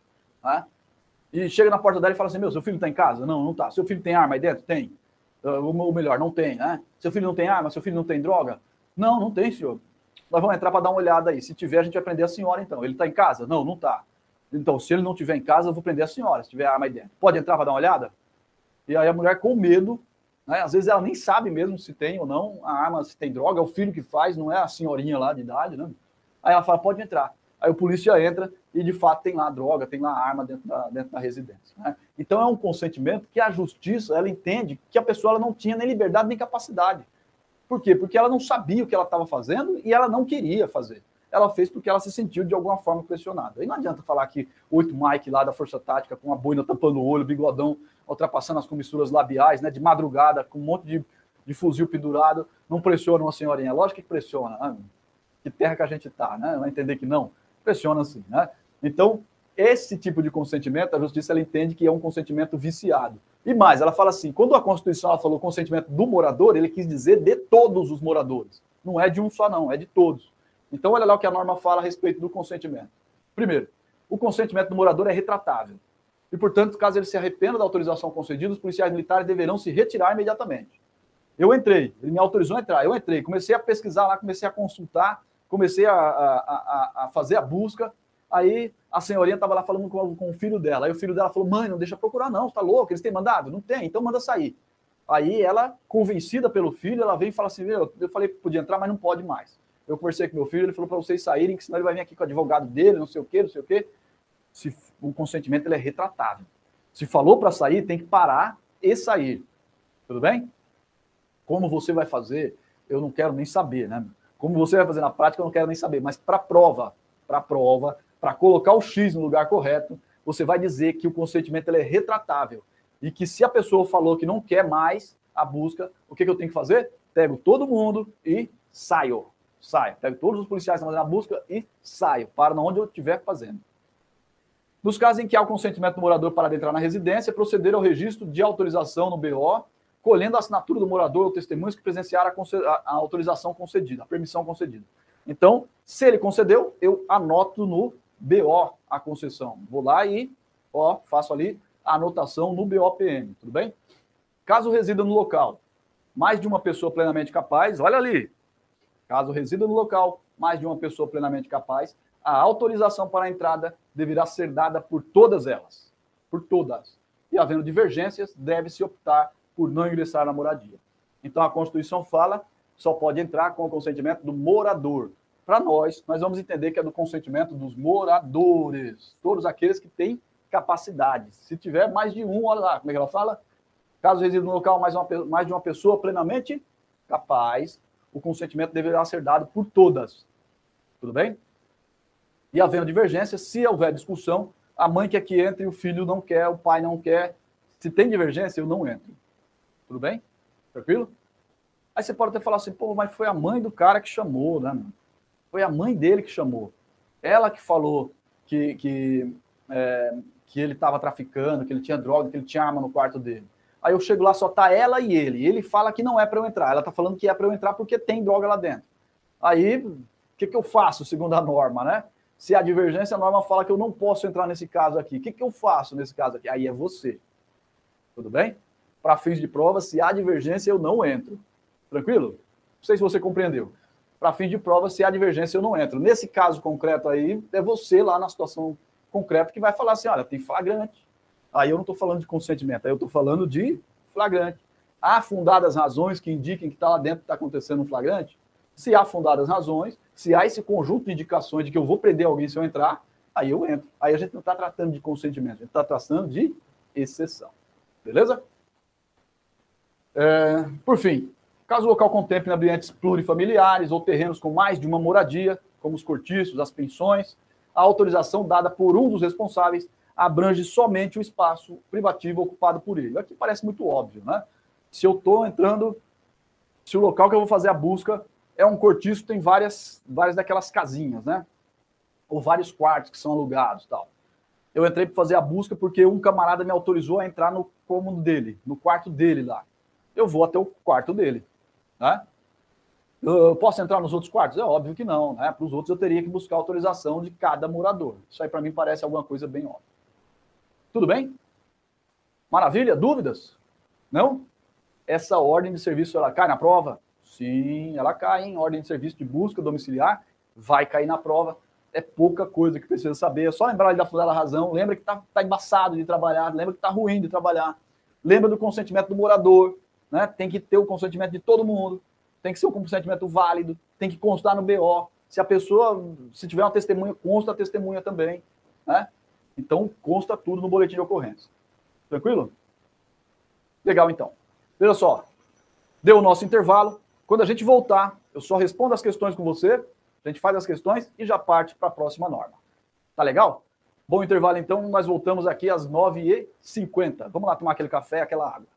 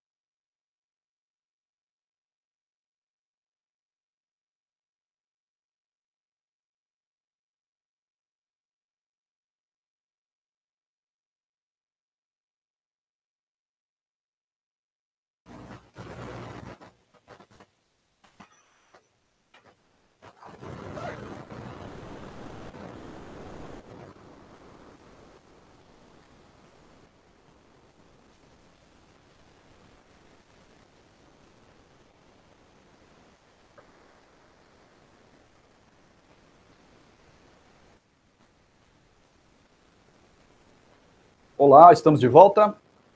Tudo bem? Vamos prosseguir então? Depois do nosso intervalo, depois do nosso café, né? Depois de ter dado aquela respirada, sair um pouquinho, né? Olhar para outra coisa que não a tela do notebook, a tela do celular, não é isso? É uma boa, né? Então, legal. Vamos dar prosseguimento então no nosso, no nosso encontro de hoje, para nós fecharmos aí essa, essa hora e pouco que falta, né? De no, da, nossa, da nossa manhã falando sobre conhecimentos profissionais. É, você que está aí ligado, viu que nós estávamos falando então da ordem de serviço que trata da ordem de serviço que trata da busca domiciliar, essa ordem de serviço aqui de 2018, né, a 0020218. Falei para você que essa ordem de serviço ela resultou da necessidade de, de, de, de, atualizar nossos procedimentos operacionais em face né, de decisões judiciais decisões judiciais que constam aí do seu material, decisões judiciais que é, reduziram a amplitude, né, a amplitude da possibilidade de acesso no, no domicílio, né, nos termos constitucionais, porque trouxe uma interpretação de que essa situação de flagrância ela exige fundada razão para o ingresso no domicílio. E essas fundadas razões elas têm que ser elas têm que ser pré-existentes, mas elas devem ser justificadas a posteriori. Então eu verifico se há fundada razão lá no caso concreto, no momento específico, né, diante daquele imóvel que eu quero ingressar, não é isso? Então eu verifico se tem fundada a razão antes, mas eu preciso justificar depois. E se eu não consigo justificar, o meu ingresso é ilícito, as provas produzidas são ilícitas e, portanto, nada do que eu fiz terá nenhuma validade, né? não terá nenhuma validade legal. É... Então, nós terminamos de falar sobre essa ordem de serviço, faltou nós passarmos rapidinho aí pelas questões, né? Eu falo inclusive do consentimento do morador, né? Consentimento do morador, que é matéria que cai em prova, que é cobrada em prova, né? Nessa prova de sargento de 2018, a questão ela dizia o seguinte: com relação às determinações contidas na ordem de serviço PM3 0020218, que disciplina a busca domiciliar, é correto afirmar que a. A busca domiciliar sem mandado está autorizada em qualquer hipótese de crime permanente, desde que exista prova testemunhal. Não, né? Por que está errada essa assertiva aqui? Ela deixa de falar aqui da necessidade né, de uma fundada razão para o ingresso em domicílio, né, da justa causa. Né? B. Caso resida no local mais de uma pessoa plenamente capaz, a autorização para entrada deverá ser dada por todas elas, e havendo divergências, deve-se optar por não ingressar na moradia. Era aqui justamente que o examinador queria que você colocasse o X, né? Essa aqui seria, pela lógica do, do, do examinador, a alternativa correta, né? Era aqui que eu ia colocar o nosso X. Deixa eu até pôr o X aqui para você. Coloca o X aí na alternativa B, né? Letra B é a letra correta. C. Mesmo diante das fundadas razões, verificadas a partir da análise dos dados e informações obtidas no local, que levam à conclusão de que há infrator em condição de ser autuado em flagrante, não se autoriza a entrada em residência sem a necessidade de prévia autorização judicial. É, a, a, afirmativa ficou toda ela meio esquisita, né? A, assertiva inteira ficou meio estranha, mas o que ele está dizendo aqui é o seguinte: que eu não posso entrar mesmo se tiver fundadas razões. E aí está errado, né? No frigir dos ovos foi isso que ele falou. Ele falou assim: olha, mesmo que tenha fundadas razões, você não pode entrar sem autorização judicial. E aí eu estou falando justamente o contrário do que diz o texto constitucional, que ele diz que nos casos de flagrante é uma exceção, né? Eu posso entrar se há o flagrante. B. As denúncias anônimas via 90181 poderão servir para demonstrar a justa causa que alicerce o ingresso na residência sem determinação judicial. Nos termos da norma, não. Né? Nos termos do que diz a nossa ordem de serviço, essas denúncias 190, 181, elas não servem. Elas sozinhas, elas de forma isoladas, não servem para justificar ou, enfim, para indicar a justa causa, a fundada razão para o ingresso em residência. Eu preciso de um algo mais, né? um conjunto de evidências, um conjunto de informações que surgiram a existência, a ocorrência de um flagrante no interior do imóvel. Tudo bem? Aqui então veja, ele cuidou aí desse aspecto do que, que não serve para o que, que não serve como fundar a razão. Ele falou da, do, da, da necessidade do consentimento ali ser válido e ele falou também da possibilidade de, da busca domiciliar ser, ser feita né, em qualquer hipótese de crime permanente. Isso aí porque nós temos essa ideia, né, de que se há um crime permanente eu posso entrar e dane-se, né? se eu constatar depois que há o flagrante, está tudo resolvido. E não é mais desse jeito. Né? Lembra que eu falei para você? Eu entrava e ficava torcendo para encontrar alguma coisa. Se eu encontrasse, estava tudo redondo. Né? Ingressei, ah, eu saio procurando. Não encontrei mais nada, encontrei uma munição de 38. Tá valendo, vou apresentar munição de 38 no DP e, a, e, a, e, o meu ingresso no domicílio fica redondo, né? Hoje não é mais assim que funciona, né? Hoje não dá mais para trabalhar desse modo. Nessa hipótese, se eu entro, a, a, menos que eu entre com a certeza de que tem lá o, com todas as fundadas razões me indicando que lá dentro o camarada tem uma arma, né? Aí eu entro e encontro a arma. Pronto, aí tá redondo sim. Mas eu ingressar e esperar o flagrante aparecer para depois eu justificar o meu, a minha entrada não vai valer. Então, quando ele diz aqui, na busca domiciliar sem mandado está autorizada em qualquer hipótese de flagrante, está errado. Né? Flagrante ele pode até acontecer, mas se eu não tiver fundado razões para o ingresso, eu vou estar errado. A busca domiciliar ela vai ser considerada inválida, ilegal, ilícita, Prova de cabo de 2021, prova recente, né? A prova há menos de dois meses aí atrás, né? Não faz nem dois meses a prova de cabo, né? É, a, a questãozinha 57 ela versava justamente sobre isso e nós tínhamos falado aqui em sala de aula, hein? Para quem fez o para quem fez o concurso, quem fez o curso né, preparatório para cabo aqui, ouviu isso daí, eu tenho certeza, porque eu falei em sala. A busca domiciliar sem mandado somente estará autorizada nas hipóteses previstas na Constituição Federal e nos termos da ordem de serviço tal extraordinária e preferencialmente, o papel lá, extraordinária e preferencialmente com a presença de um. Lembra lá que nós falamos? O ingresso, em caso de flagrante, ele é sempre extraordinário. E preferencialmente, eu tenho que ter comigo quem? Oficial, subtenente ou sargento, né? Oficial, subtenente ou sargento. Então, vamos ver, gente, é isso que a gente precisa encontrar, tudo bem? Alternativa A. Oficial ou subtenente sargento PM, certo exceto em período noturno. Não, né? A busca domiciliar sem mandado, ela pode ser realizada durante o período noturno, se houverem fundadas razões.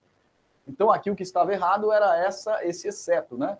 Quando o examinador ele pôs aqui o exceto, ele deixou a alternativa incorreta, né?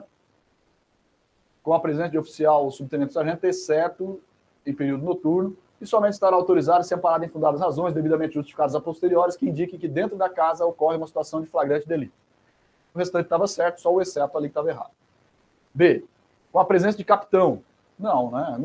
a norma ela falou assim: olha, é oficial, subtenente ou sargento. Preferencialmente com a presença de um capitão? Não, preferencialmente com a presença do oficial, subtenente ou sargento. Exceto no período noturno, também estava errado a partir daqui, né? Estava tudo incorreto também. Tudo bem? C oficial ou subtenente, ou sargento, certo?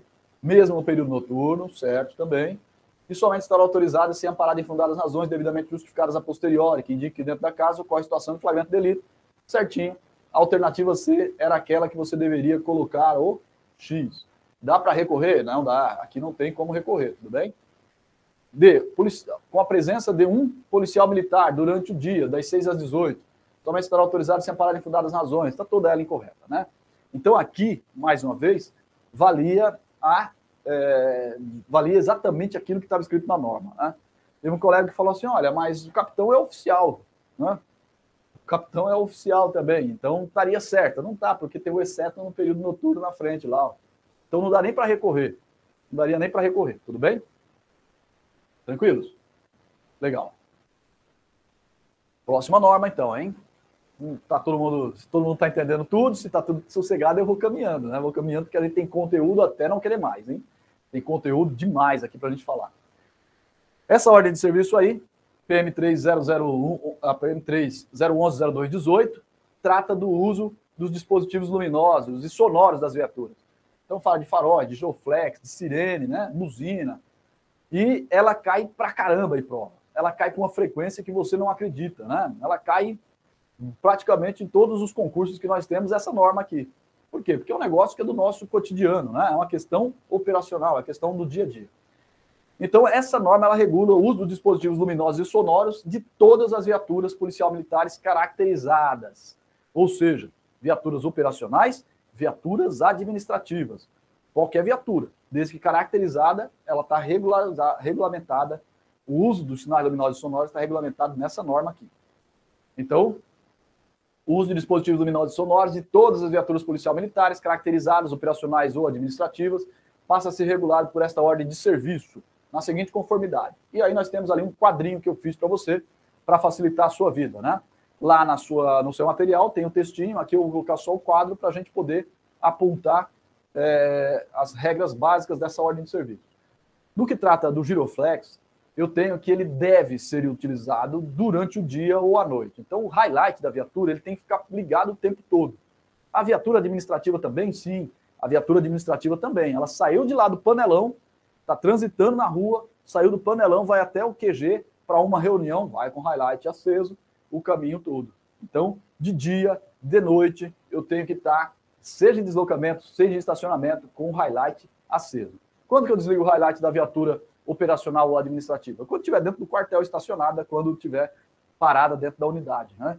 Se estiver estacionado lá na frente da unidade, estiver ali fazendo é, é, o ostensivo ali na, na calçada, em frente à unidade, tem que estar com o highlight aceso também. É só na hora que eu paro a viatura para fim de expediente, para fim de serviço, para troca de equipe, para qualquer outra finalidade, que daí eu desligo. O restante do tempo, highlight aceso, o tempo todo. Os deslocamentos e estacionamentos. O farol baixo. Farol baixo ele deve, deve estar sempre aceso, né? O farol baixo deve estar aceso, independente do horário também. Seja de dia, seja de noite, farol baixo ele tem que estar aceso em todo deslocamento. Olha aí no seu material e pode frisar. Olha lá no seu material. Ele fala que o farol baixo tem que estar aceso em todos os deslocamentos. Ele não fala nada de farol baixo aceso em pontos de estacionamento. Ah, chefe, mas eu deixo aceso no ponto de estacionamento. Tudo bem, tudo bem, mas a norma ela não exige. A norma ela não exige. Pode ler aí o textinho da ordem de serviço, está aí no seu material. Pode ler. Ela fala que o farol ele deve ligar, né, deve, estar, deve estar sendo usado, independente do horário, em todo deslocamento. Logo, se uma assertiva de prova ela disser que, assim como o highlight, o farol baixo ele tem que estar aceso nos deslocamentos e estacionamentos, essa assertiva ela deve ser considerada errada. Ela deve ser considerada errada por quê? Porque a norma só exige o farol aceso no deslocamento. Tudo bem? Maravilha. E o farol alto? O farol alto eu posso ou não usar conforme a necessidade, né? Principalmente nos casos de emergência. Farol alto eu uso para isso. Em emergência, eventualmente para dar um sinal de luz para as pessoas perceberem, para reforçar o que já tem de sirene, o que já tem de highlight aceso. Eventualmente posso dar farol alto para o condutor, para ele é, é, perceber, para ele sair da frente. Às vezes dou farol alto para o cara que eu vou abordar, né? Então eu posso utilizar, principalmente nos casos de emergências. Mas não há nenhuma obrigatoriedade de que o farol alto esteja aceso o tempo todo. É isso que não pode, na sua prova, o examinador colocar e você errar. Falar assim, olha, o farol alto deve estar aceso de dia ou à noite em todo deslocamento. Vai estar errado, é o farol baixo. Tudo bem? Só isso. E a sirene? A sirene eu posso utilizar. Então, assim, eu tenho o quê? Que o giroflex e o farol baixo eu devo usar. De dia ou de noite. Tudo bem? O farol alto e a sirene eu posso usar conforme a necessidade. O farol alto nas emergências e a sirene de dia ou de noite, nos casos de emergência ou mais, né? Emergência ou quando for recomendável. É possível utilizar quando for recomendável? Sim, né? Tem hipótese de que é recomendado e que não tem emergência? Tem. Se você pensar que emergência, nós consideramos emergência aqueles casos em que há risco à vida, emergência é igual risco à vida. Vamos partir dessa premissa. Se a gente considerar que é assim, uma escolta de preso, por exemplo, não tem emergência. E eu uso a, a sirene, né? Estou lá fazendo escolta de preso, tal, o comboio vai chegar num cruzamento, eu quero passar pelo cruzamento, eu vou lá, aciono a sirene e tal, vou passando ali no meio do trânsito, atravesso o cruzamento e vou embora. Né? Tem risco à vida? Não tem. Não tem risco à vida. Pode até falar assim, ah, mas se tiver um resgate de preso. Não, mas não é isso que eu estou falando. Estou falando assim que você não precisa chegar em nenhum lugar, que senão a pessoa morre. Né? Então não há emergência, mas é recomendável o uso da sirene. Aqui, eventualmente, o examinador ele pode falar assim: olha, é, vamos imaginar né, uma questão que o cara monte, né? Na escolta de preso não é necessário o uso, é, o uso da sirene é, é vedado o emprego da sirene na escolta de preso porque não há emergência. Tudo bem? E aí está errado, por quê? Porque não é vedado, porque não há emergência. Se há, se for recomendável o uso, eu vou utilizar assim mesmo. Tudo bem? Tranquilo, né? O texto básico da ordem de serviço é esse quadrinho aqui, hein? Lembra desse quadrinho aí que você não erra na prova. Eu vou te falar, parece besteira agora. Estou falando Parece besteira. Ah, mas o farol baixo é só no deslocamento, no estacionamento não. Ah, o highlight é de dia e de noite, deslocamento no estacionamento. O farol alto é só na, nas emergências, eu posso usar nos casos de emergência. E, e, e, parece besteira. Toda vez é assim, né? Todo ano é assim. Então não caia nessa. Não, não, não caia nessa. Como é que eu vou falar? Nesse, nesse ritmo de achar que a norma é fácil demais. Não, não pense desse jeito. Não pense que a norma é fácil demais. Porque chega na hora da prova, o cara ele muda uma palavrinha e você fica, meu, e agora? Né? Porque parece que é verdadeiro esse, parece que é verdadeiro aquele, e agora? Né? Então toma cuidado. Não é porque o negócio é simples que a gente pode desconsiderar, não, tá? Toda, toda norma merece respeito, né? Todas as assertivas elas merecem respeito aqui. Legal? Então, lembre desse quadrinho aí, você não vai ter dificuldade para a sua prova. Agora, essa norma ela trouxe outras prescrições que são extremamente importantes para a gente e que são matéria cobrada em prova. Né? A primeira delas fala o seguinte: olha só, é proibido, no período compreendido entre as 22 horas e as 6 da manhã, o acionamento da sirene ou da buzina das viaturas para fins de testes. Tudo bem? Para fins de testes. Então, essa é a primeira assertiva. É proibido, entre as 22 e as 6, o acionamento de sirene e buzina para fins de testes. Por quê? Porque muitas vezes a unidade policial militar ela fica do lado de conjuntos residenciais, de casas, de, de prédios, né? Fica ali embaixo, junto com o prédio. Então eu vou passar o serviço e aí eu tô lá às 5 horas da manhã, 5 e meia, fazendo a rendição e aciona o sirene, fica acionando o sirene para testar. Aí vem o outro, aciona a sirene da outra viatura para testar. Aí buzina, né? Buzina para cumprimentar, buzina para não sei o que tal. Então, o emprego dessas ferramentas para fins de testes, né? ou situações que contraíram o disposto na ordem, ou seja, nos casos em que não há emergência, nos casos em que não há necessidade, principalmente, é vedada entre o período compreendido às 22 e às 6 da manhã. Para fim de prova, eu tenho que tomar cuidado, porque o examinador ele vai mudar esse período aí. Ele vai dizer que é proibido no período compreendido no horário noturno, ou no período de descanso noturno, ou das é, 18 às, às 6 da manhã, né? ou das 21 às 5 da manhã, ele vai mudar esse horário. Então toma cuidado. Das 22 às 6, que é o horário de silêncio. Lembra lá da escola de soldado? Lembra lá, né? da, se você lembrar da escola de soldado, você vai ver. Lembra lá, 22 horas apagava as luzes, 6 horas acendia. Nesse período não pode testar sirene e não pode ficar testando buzina da viatura ou ficar usando de forma é, desnecessária né, esse equipamento aí. Também não pode, nesse mesmo período, olha lá, promoção de alaridos, gritarias, algazarras, acelerações violentas de motores das viaturas e outros ruídos que, por seu exagero e inutilidade, aqui então o critério é exagero e inutilidade, tornarem-se incômodos para a população. É a mesma coisa, né? Pega lá 5 horas da manhã, tem a troca de serviço de uma determinada companhia. A companhia está instalada numa casa. A casa fica num lugar, num bairro residencial tem vizinho que está dormindo, tem todo mundo está dormindo. Aí chega para aquele monte de viatura da companhia. Aí tem o pessoal que está entrando de serviço, o pessoal que está saindo de serviço, o pessoal que está indo para delegada, o cara que está chegando do Bravo, o cara que é laranjeira, não sei o quê. Vira aquele Zulu, né, meu? Aquele pandemônio dentro da companhia. Aí as pessoas começam a um zoar o outro, gritar, falar alto, tal, fazer barulho, algazarra, né?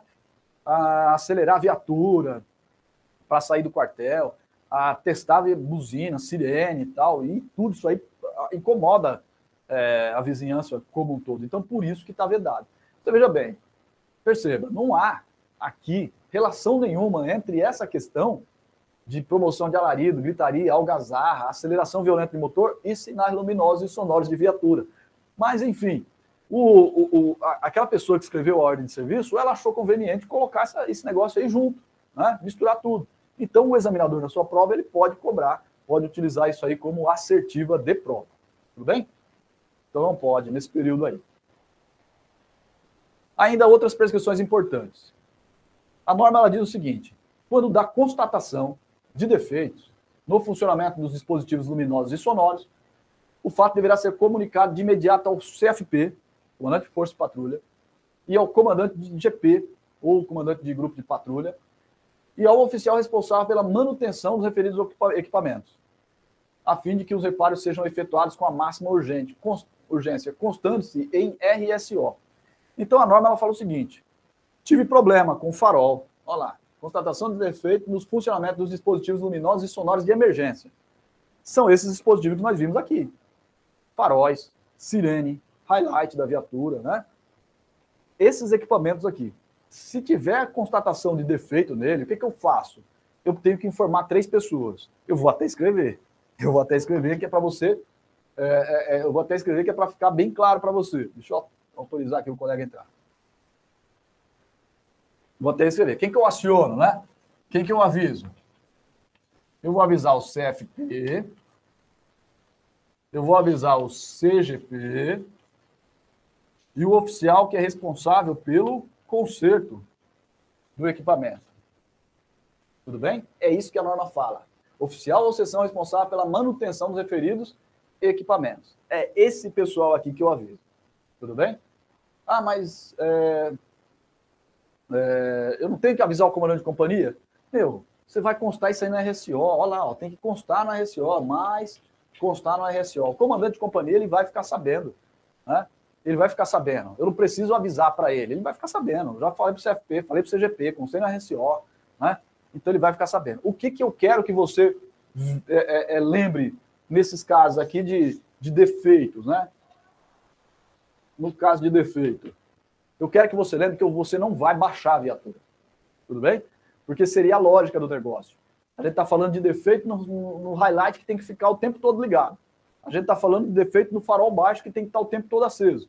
A gente está falando de problema com a sirene que eu preciso utilizar nos casos de emergência. Mas, é, é, pela, então, pela lógica, né, eu deveria baixar a viatura para conserto. Mas a norma não fala isso.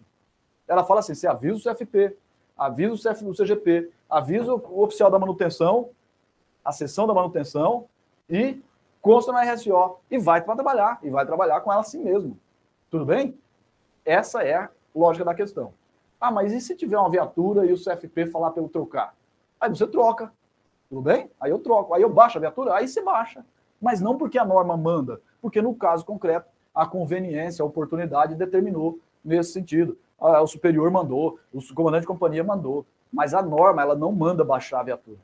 Por quê? Porque ela pensa assim: é, ela foi estruturada para valer para todos os casos. Imagina lá em Rosana, só tem uma viatura patrulhando.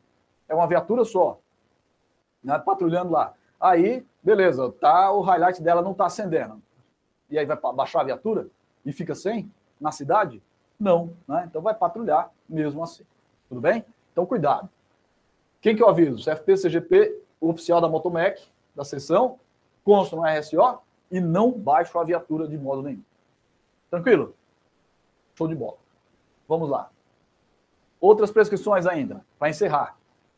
Há situações específicas que demandam a utilização dos dispositivos e luminários sonoros da viatura, diferentemente da norma geral hora estabelecida, que podendo ser adotados procedimentos diferenciados, se necessário, mediante autorização dos oficiais responsáveis, constantes, porém, tal fato no RSO. Aqui o que ele está dizendo? Está dizendo justamente que nós falamos que highlight é o dia todo, farol baixo é o dia todo, nós falamos que é, farol alto eu uso em algumas hipóteses e tal. No entanto, é, a norma ela deixa uma brecha aqui para que eu utilize de forma diversa. Imagina que eu preciso, em determinada circunstância, chegar um, até um determinado, até um, um, certo local sem chamar a atenção. E aí eu não posso ir com o highlight aceso, né? E aí eu tenho que ir com o highlight apagado, com o highlight desligado. Neste caso, então, eu posso, com autorização do oficial responsável, usar, é, desligar o highlight, usar de modo diverso daquele previsto na norma.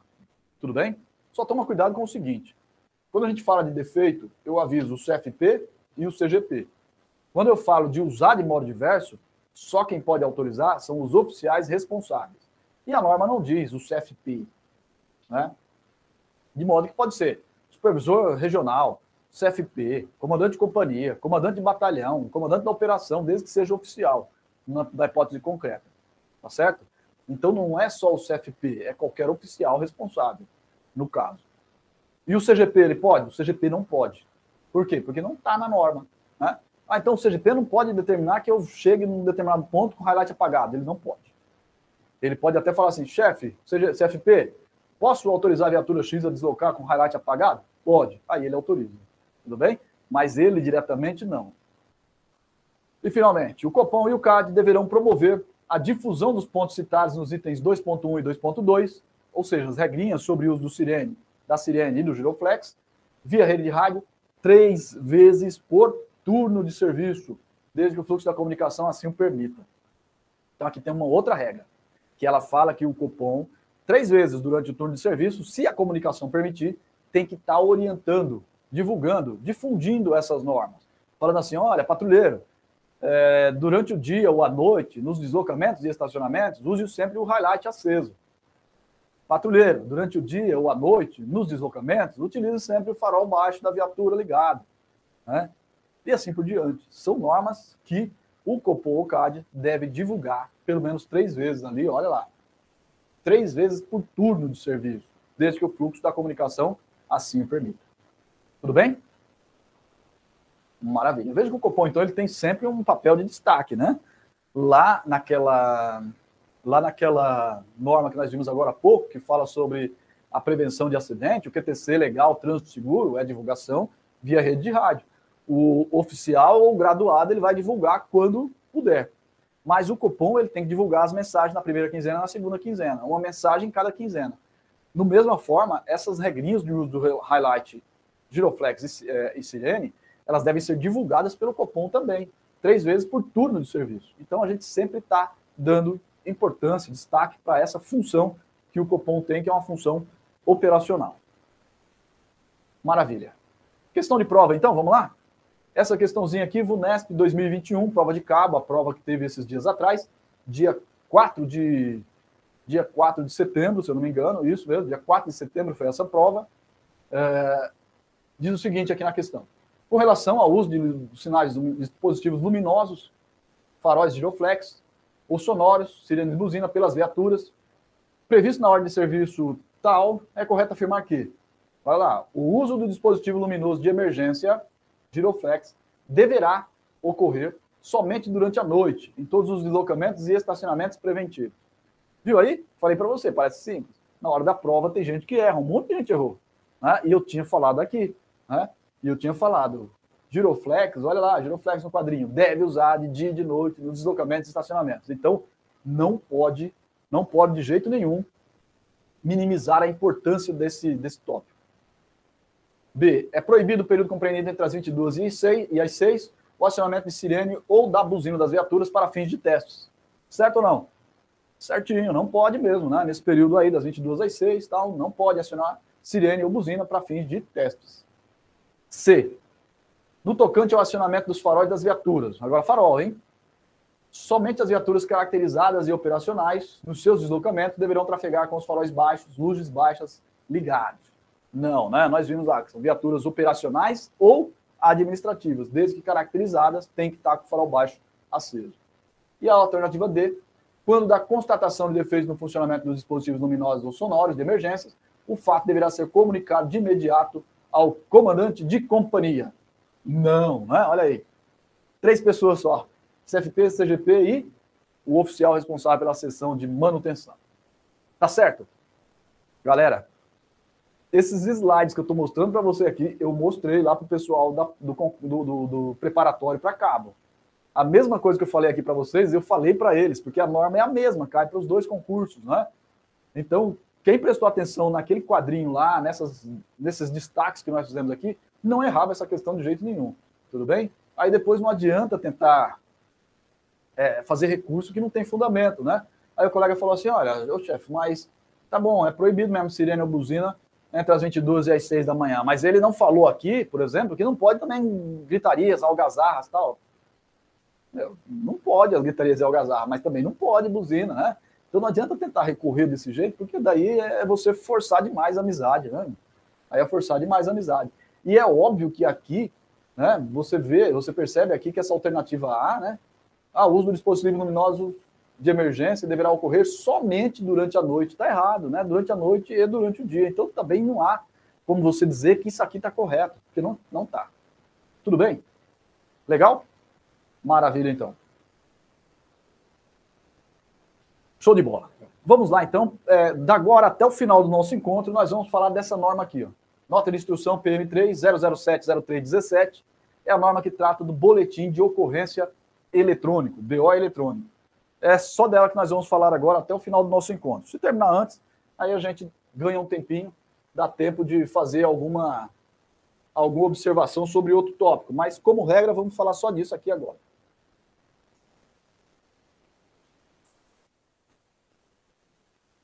Vamos ver se eu consigo escrever alguma coisa aqui na nossa lousa.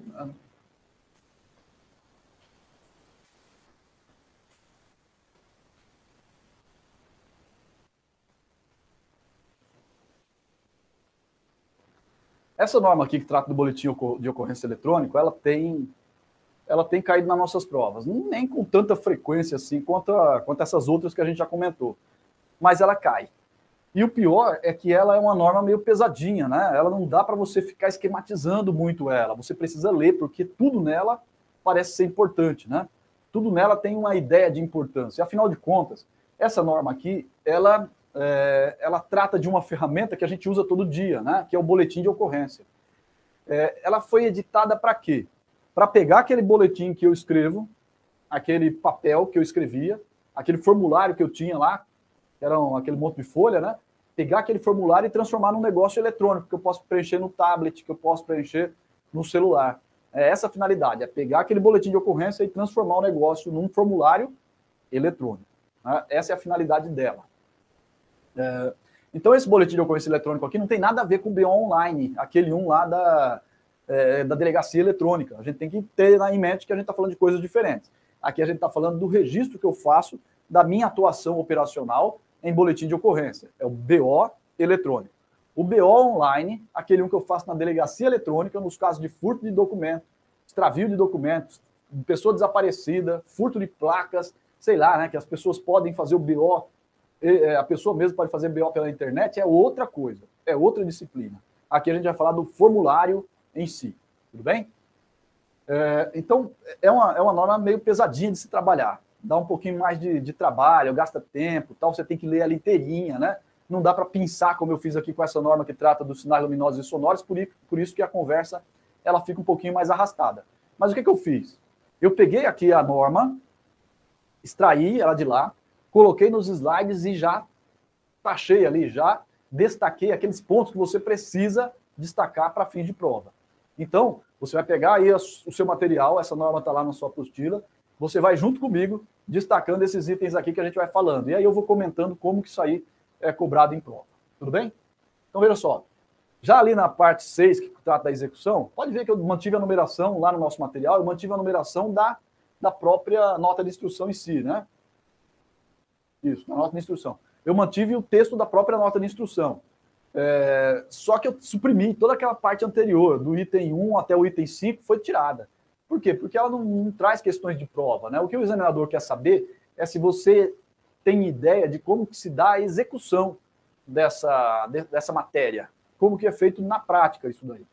Então, aqui nesse item inicial, 6.1, é, ele vai dizer ali o que, que é né, o boletim de ocorrência eletrônico. Nas considerações preliminares, então, ele começa lá falando tal que, é, que, que os oficiais, que os comandantes, eles são responsáveis pelo treinamento, pela capacitação do efetivo tal, para o registro da ocorrência por meio do BO eletrônico. Por quê? Porque era o momento que ele estava se inserindo, né? Quando a norma foi editada, eu tinha acabado de criar o BO eletrônico. E aí eu precisava fazer esse negócio funcionar porque o Mike ele pegava, o policial ele pegava o, o, o, o tablet, aí ele falava assim, entre o tablet e o papel. Né? Eu tinha lá o papel que eu estava acostumado a fazer a minha vida inteira, escrever a ocorrência no, no, formulário, e do outro lado eu tinha lá o tablet. E aí eu falava assim, meu, eu vou fazer ali no BO, que é bem mais tranquilo, né? Dá trabalho demais esse negócio aqui de acessar, logar, não sei o que tal. E aí ele preferia fazer no papel. Então, por isso que a norma ela precisou trazer a miúde o que cada um fazia, para transportar toda essa disciplina do BO no papel para o BO online, aqui para o BO informatizado, formulário eletrônico. E aí, é, ela fala primeiro que cabe aos comandantes treinar, e depois no item 6.1.2 ela vai falar assim que todo policial militar, quando for atender ocorrência, deverá ser orientado né, atendimento de ocorrência, adotar as seguintes providências. E aí ele fala lá, identificar manter o autor, providenciar imediata preservação, socorrer a vítima, rolar testemunhas, identificar outras provas, elaborar minucioso relatório. Tudo isso aí você já sabe, é o que você já fazia no papel, é o que você já fazia no BO em papel. O que eu preciso guardar agora é aqui, daqui para baixo. Olha lá, elaborar minuciosamente no próprio local dos fatos, ali onde eu estou, o BO eletrônico. O BO eletrônico, então, eu preencho onde? Lá, onde eu estiver onde estiver atendendo a ocorrência. E aí vai descrever no BO eletrônico o, o que, por que, quando, onde, quem, como e assim por diante, que já é o que nós fazíamos também no BO em papel. Tá certo? O que eu destaco daqui então? BO eletrônico eu faço no local, no local da ocorrência. O item 6.1.3, lá embaixo, aquela partezinha final ali destacada, olha lá. No caso da comprovada impossibilidade do, do, BO, do registro do BO no local. Viu aí como é importante? Lá em cima eu destaquei que tem que ser feito no local. Aqui embaixo a norma vem e fala assim: se você não puder fazer no local, quer dizer, já repetiu duas vezes, né, meu? Que tem que fazer no local. Então isso é destacado. E vai mais para frente, você vai ver de novo. Se não puder fazer no local, vai fazer não sei o quê. Então, toda hora a norma ela fala que tem que fazer o BO no local, isso aí vira questão de prova. Tá certo? Então, olha lá. Se não puder fazer no local, o que, que eu tenho que fazer? Quando, por que, que não poderia fazer no local? Porque por questões de segurança, por exemplo, ou condições climáticas desfavoráveis. Ah, não dá para eu preencher aqui porque eu estou num local onde pode correr, corre o risco de, de, desabar. Um desmoronamento de terra, um deslizamento, sei lá. Não sei a natureza do BO que eu estou preenchendo. Então, por questões de segurança, eu tenho que sair daqui. Tudo bem? Ah, eu tenho que sair daqui porque eu estou numa via de fluxo muito intenso. Se eu ficar parado aqui no meio do canteiro, de repente uma vítima vai ser atropelada tal. Vamos sair daqui, vamos para outro lugar. Então, questões de segurança ou de condições climáticas. Eu estou lá num campo aberto, está chovendo, né? Campo aberto está chovendo, não dá para fazer o BO ali, de ficar digitando o BO naquela, naquele ambiente. Então, olha lá, por questões de segurança ou condições climáticas desfavoráveis. É só isso que justifica eu não fazer o BO no local. Tudo bem? E aí o que, que eu faço então? O policial militar ele poderá realizar, mediante prévia autorização do comandante de pelotão, comandante de força patrulha, ou CGP, ou na falta deste, comandante de CG, ou CGP ou comandante de GP. Então aqui ele está falando assim: olha, se tiver CFP, é o CFP. Se não, o comandante de pelotão. Porque ele está pensando naquelas hipóteses em que o pelotão é destacado, por exemplo. Mas é o CFP. Para gente, na regra, CFP. E na falta do CFP, o CGP. Na falta do CFP, o CGP. Então não é um ou outro, não. É se tiver o CFP, é ele. Se não tiver o CFP, é o comandante de pelotão. Se não tiver nenhum dos dois, é o CGP. Tudo bem? Então, o CGP. O equivalente ele vai providenciar o deslocamento para o local mais seguro ou abrigado de intempéries, evitando-se ao máximo o procedimento de registro do BO em OPM. Olha lá, evitando ao máximo. Então, ó, até resumir aqui. Eu resumi porque a gente tem quatro assertivas. Isso aí é questão de prova. Quatro. Olha lá. O BO tem que ser feito no local. Regra. Por condições climáticas, ele não poderia ser feito no local. Nessa hipótese, alternativa A. Pode não ser possível, por questões de segurança ou por condições climáticas desfavoráveis, realizar o boletim de ocorrência no, no local. Sim. Nesses casos, com autorização do CFP ou na falta desse, do CGP, eu vou fazer o quê? Procurar um local seguro e abrigado, evitando ao máximo o registro do BO em OPM. O examinador ele vai falar que você pode registrar na OPM, ele vai falar que quem autoriza é o CGP e não o CFP, ele vai falar que por qualquer outras questões, ah, por questões de é, ser conveniente para a equipe, eu posso mudar de local. Não, é só se for por questões de segurança ou por condições climáticas desfavoráveis. Tudo bem? Parece besteira, mais uma vez, respeita a assertiva. Respeita a norma, cara. Isso aí cai na prova. E aí, na hora que cai na prova, você vai falar assim: meu, eu fiquei na dúvida agora. Né? Fiquei na dúvida. Tranquilo? Legal? Então tá bom. Encerramento da ocorrência e validação. É um outro tópico que está ali, é o item 6.1.4, né?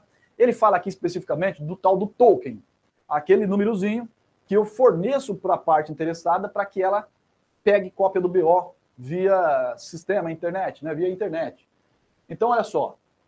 Quando do encerramento da ocorrência, pelo usuário da unidade de serviço, será disponibilizado para as partes o número de token para acesso digital ao BO eletrônico no sítio da PM. E aí tem um endereçozinho lá onde você vai conseguir essa cópia. No entanto, a gente sabe que não é assim que funciona. Né? Eu dei lá o token para o camarada, né? passei o token para ele. Ele vai conseguir acessar de imediato? Se ele pegar o celular dele aqui, ele vai conseguir? Não, ele não vai conseguir. Por quê? Porque ele só pode fazer isso depois que for validado. Olha lá. Todavia, o BO eletrônico só, será, só poderá ser acessado pelas partes interessadas após a validação. E a validação quem faz? É o comandante de companhia. Você, que não está aí no serviço operacional, que não está acompanhando isso, como eu também não estou, né? Mas eu preciso ir lá, aí eu vou lá na companhia e fico vendo como é que funciona, né? Para poder vir aqui e falar para você, que senão, senão a gente não consegue trabalhar, né? É, Uma vez que o militar ele fez ali o BO eletrônico, ele fez lá no celular, preencheu o BO. Esse BO ele vai cair na tela do comandante de companhia. O comandante da companhia ele tem que validar esse negócio. Ele tem que olhar e falar assim: meu, tá de acordo, legal, beleza, tá certo, tá tudo em ordem aqui, tá válido, né? Ele vai validar o BO. E só a partir de então que as partes elas terão acesso ao BO eletrônico pelo site da internet. Legal? Show de bola. Agora, olha só, essa questão do token, ela tem uma série de assertivas que são importantes. Primeiro, as vítimas e testemunhas, quando se sentirem coagidas ou ameaçadas em decorrência do registro dos crimes, se assim postularem, poderão restringir o acesso a seus dados e endereços no sítio eletrônico da PM. Qual é a relação disso aí com o token? Ora bolas. Se eu vou dar o token para a pessoa e ela vai ter acesso à cópia do BO, ela tem acesso às informações de todo mundo que eu rolei do BO. Tá certo ou não?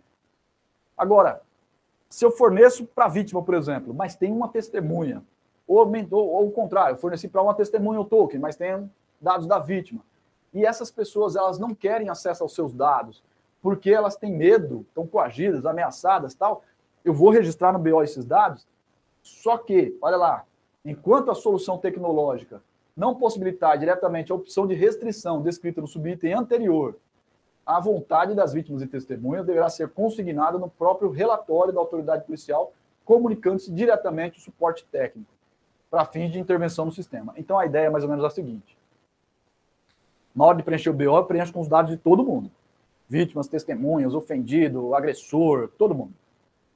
O criminoso preso em flagrante, todos os dados vão estar aqui. Mas tem uma vítima que ela fala assim: meu, eu não gostaria, porque eu me sinto ameaçado, que o meu nome aparecesse lá para o advogado do criminoso, por exemplo. Não quero que ele me identifique, eu vou ser testemunha protegida no processo do crime. E aí, como é que eu faço aí no BO? Já que a pessoa vai receber o token, ela vai ter acesso. A lógica do negócio é que o sistema, ele que se cria uma ferramenta dentro do sistema que permita que eu é, registre o nome da testemunha, mas que eu não disponibilize esse nome para todos os interessados. Para que a pessoa, na hora que pegar o BO, a cópia do BO, ela pegue a cópia do BO e o nome daquela testemunha vai sair um nome, vai sair uma identificação, é, vai, sair como não identificada aquela testemunha para quem está tirando cópia. Só o BO que for eventualmente para a justiça, o BO que for eventualmente para a Polícia Civil, que vai com a completude das informações. A, os dados da testemunha ficam protegidos. No entanto, quando a norma foi criada, é, essa, essa possibilidade ainda não existia no sistema. E eu, na verdade, não sei se existe hoje ainda. Eu acho que não ainda. Mas não existia no sistema.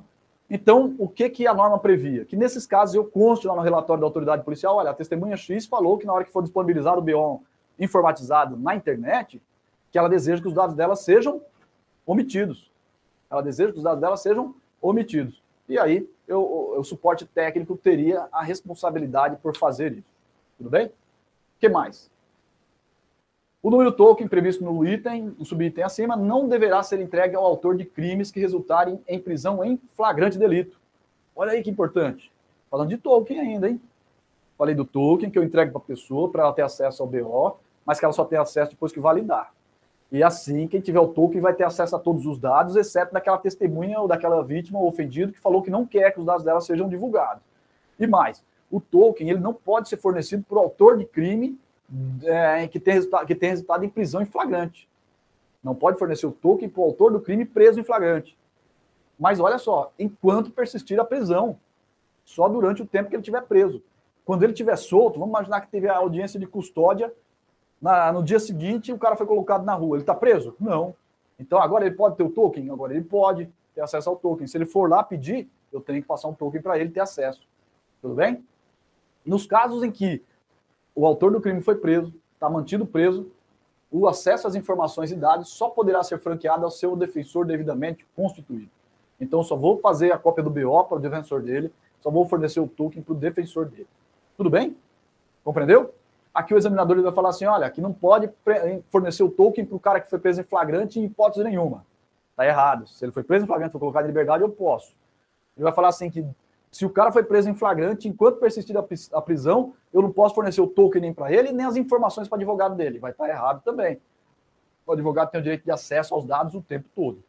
Legal? Então, cuidado. Mais embaixo. Quando as partes interessadas na ocorrência, mesmo com o número de token, constatar, constatarem as, contatarem as OPMs comunicando eventual indisponibilidade de acesso às informações e dados registrados ou problemas relativos à impressão do registro, o que, que eu faço? Então, aqui que ele está falando, token de novo. Ele está falando só de token agora, hein? Vê, vê, que dá para fazer uma questão só falando sobre esse tal de token. A pessoa, eu passei para ela o token, ela foi para casa. O comandante de companhia validou o BO, está válido, está disponível. Ela tenta acessar, ela não consegue. Ou dá token inválido, ou qualquer outro problema desse tipo. Ou ela não consegue imprimir. Aí ela vai e liga lá na companhia. Porque às vezes é uma pessoa simples, não vai conseguir imprimir o BO, ela precisa dele impresso, ou ela acha que precisa, não sabe que dá para pegar em PDF, por exemplo. Tudo bem? Então aí ela entra em contato com a companhia. O que, que o patrulheiro lá da companhia faz? Vê que isso é uma questão de prova. Você percebe isso? É uma questão de prova. O examinador ele pode montar essa historinha e falar assim: olha, foi disponibilizado o token, tal, tal, tal. Ele vai contar uma história e vai falar: no final das contas, a pessoa não consegue ter acesso. O que, que ela vai fazer? Aí a norma ela diz o seguinte: se ela entrar em contato, é, deverão ser orientadas quanto à possibilidade de extraírem cópia física do registro na própria companhia responsável pelo registro, ou em instalação policial militar, outra, ou em outra instalação policial militar. Viu aí? A pessoa ligou e falou que não consegue. Aí você fala assim para ela: vai, olha só, vai lá na companhia onde você fez o BO, sabe? E aí eles vão te, vão te dar uma cópia física. Eles vão imprimir para você. É uma possibilidade. Ou então, aí a pessoa fala assim: pô, mas eu fui roubado lá no Guarujá. Eu fiz o BO lá no Guarujá e eu moro aqui em São Paulo, eu vou ter que ir lá. Aí o cara vai falar: não, se a senhora foi roubada lá no Guarujá, fez o BO lá e não está conseguindo acessar, a senhora pode ir numa companhia próxima da sua casa. Ela pode? Pode pela norma, olha lá. Ou outra instalação policial militar. E nesse último caso, neste caso, a OPM demandada, ou seja, aquela onde eu fui procurar ajuda, deverá entrar em contato com a OPM onde ocorreu a lavratura para o envio da cópia do registro. Aí, então, essa demanda é da onde ela for. A vítima foi lá na companhia, perto da casa dela. Falou assim: olha, eu fui roubada lá em, lá em Jundiaí. Fiz o BO lá em Jundiaí. Eu queria uma cópia do BO. O que, que o policial daqui tem que fazer, teoricamente? Ligar lá em Jundiaí e falar assim: meu, tem como fornecer para mim uma cópia do BO X? A parte ela está aqui com token, então, mas ela não está conseguindo acessar. Tem como? Aí a pessoa extrai a cópia lá, manda. PDF, manda, eh, manda um, um por notes, e aí eu imprimo aqui, entrego para parte. É isso que é para fazer. Compreendeu então? Legal? Todas essas disposições aqui, elas dizem respeito ao token. Maravilha? Então, cuidado, ó, tudo isso aqui está relacionado de uma forma ou de outra com esse, essa, essa figurinha aí do token. Legal, né? O que mais que a gente pode trabalhar aqui? Definição de BO eletrônico. Importa para gente? Não tem muita importância, não. Aqui é o que eu te falei no começo, né? BO eletrônico é só um formulário informatizado. Eu peguei aquilo que era papel e transformei numa ferramenta de é, numa ferramenta eletrônica, num formulário eletrônico. É, aí ele vai trazer ali, ele vai, vai discorrer né, acerca de como que é estruturado o BO eletrônico, vai falar que é hábil por registro de ocorrência em ambiente virtual, vai falar dos anexos que tem, da qualificação do desenvolvido, registro de apreensões. Aqui mais embaixo, olha só, nesse item 6.2.2, vou marcar aqui para gente. No item 6.2.2, ele diz o seguinte: por se tratar de funcionalidade do TMD e TPD, permite ao usuário pesquisas e inserções relacionadas, por exemplo, a pessoas, veículos e armas. Então, é, eventualmente, eu tô, vou preencher os dados de uma, de uma parte, pergunto para ela qual que é o seu RG. Aí ela me fala o RG, eu digito lá no campo RG e ele vai me trazer os dados da pessoa, eu só preciso confirmar com ela. Fala assim, ah, fulano de tal, é, pai é tal, é, data de nascimento, beleza, CPF, é isso aqui mesmo, é, endereço é esse, é. Então, eu tenho já os dados da pessoa, por quê? Porque é uma funcionalidade do sistema. A mesma coisa com o veículo. Eu vou lá registrar uma ocorrência de roubo, a parte me fala, ah, a placa do meu veículo é X. Aí eu lanço lá no sistema, dou um consultar, o formulário já me puxa isso aí do TMD e TPD. E aí fala para mim assim, olha, é um Volkswagen, é, Paraty, não sei o que, tal, vai trazer os dados do veículo. Eu só preciso confirmar com o proprietário e validar as informações lá. Tudo bem? É isso que ele está falando aqui, basicamente. Isso aqui não é questão de prova, tá? Eu só estou passando para a gente é, ver a norma inteirinha. Até porque, como eu falei, ela é bem chatinha. Se você não ler comigo agora, depois dificilmente você vai ler. Eu te conheço. Sei que você não vai ler, né? Na hora que tiver um tempinho livre, né? Meu? A gente sempre fala pro pessoal, ó, teve um tempinho livre, pega a matéria e vai ler. Teve um tempinho livre? Pega a apostila e lê. Eu sei que não. Quando você tiver um tempinho livre, você vai pegar o TikTok, vai ficar né, vendo o videozinho lá. Ó. Te conheço. Então, para a gente passar pela norma inteirinha, vamos aproveitar a oportunidade, né? Essa partezinha aqui do 6.2 ali não tem muita importância prática para a gente em termos de prova, não. Tá certo? Na sequência, agora aqui sim, né? aí eu até destaquei. Caso ocorram problemas de ordem tecnológica que inviabilizem a elaboração digital do BO eletrônico no TMD ou TPD, atrelado inicialmente à unidade de serviço, deve-se vincular a ocorrência a um outro TMD ou TPD, preferencialmente reserva da série da companhia PM.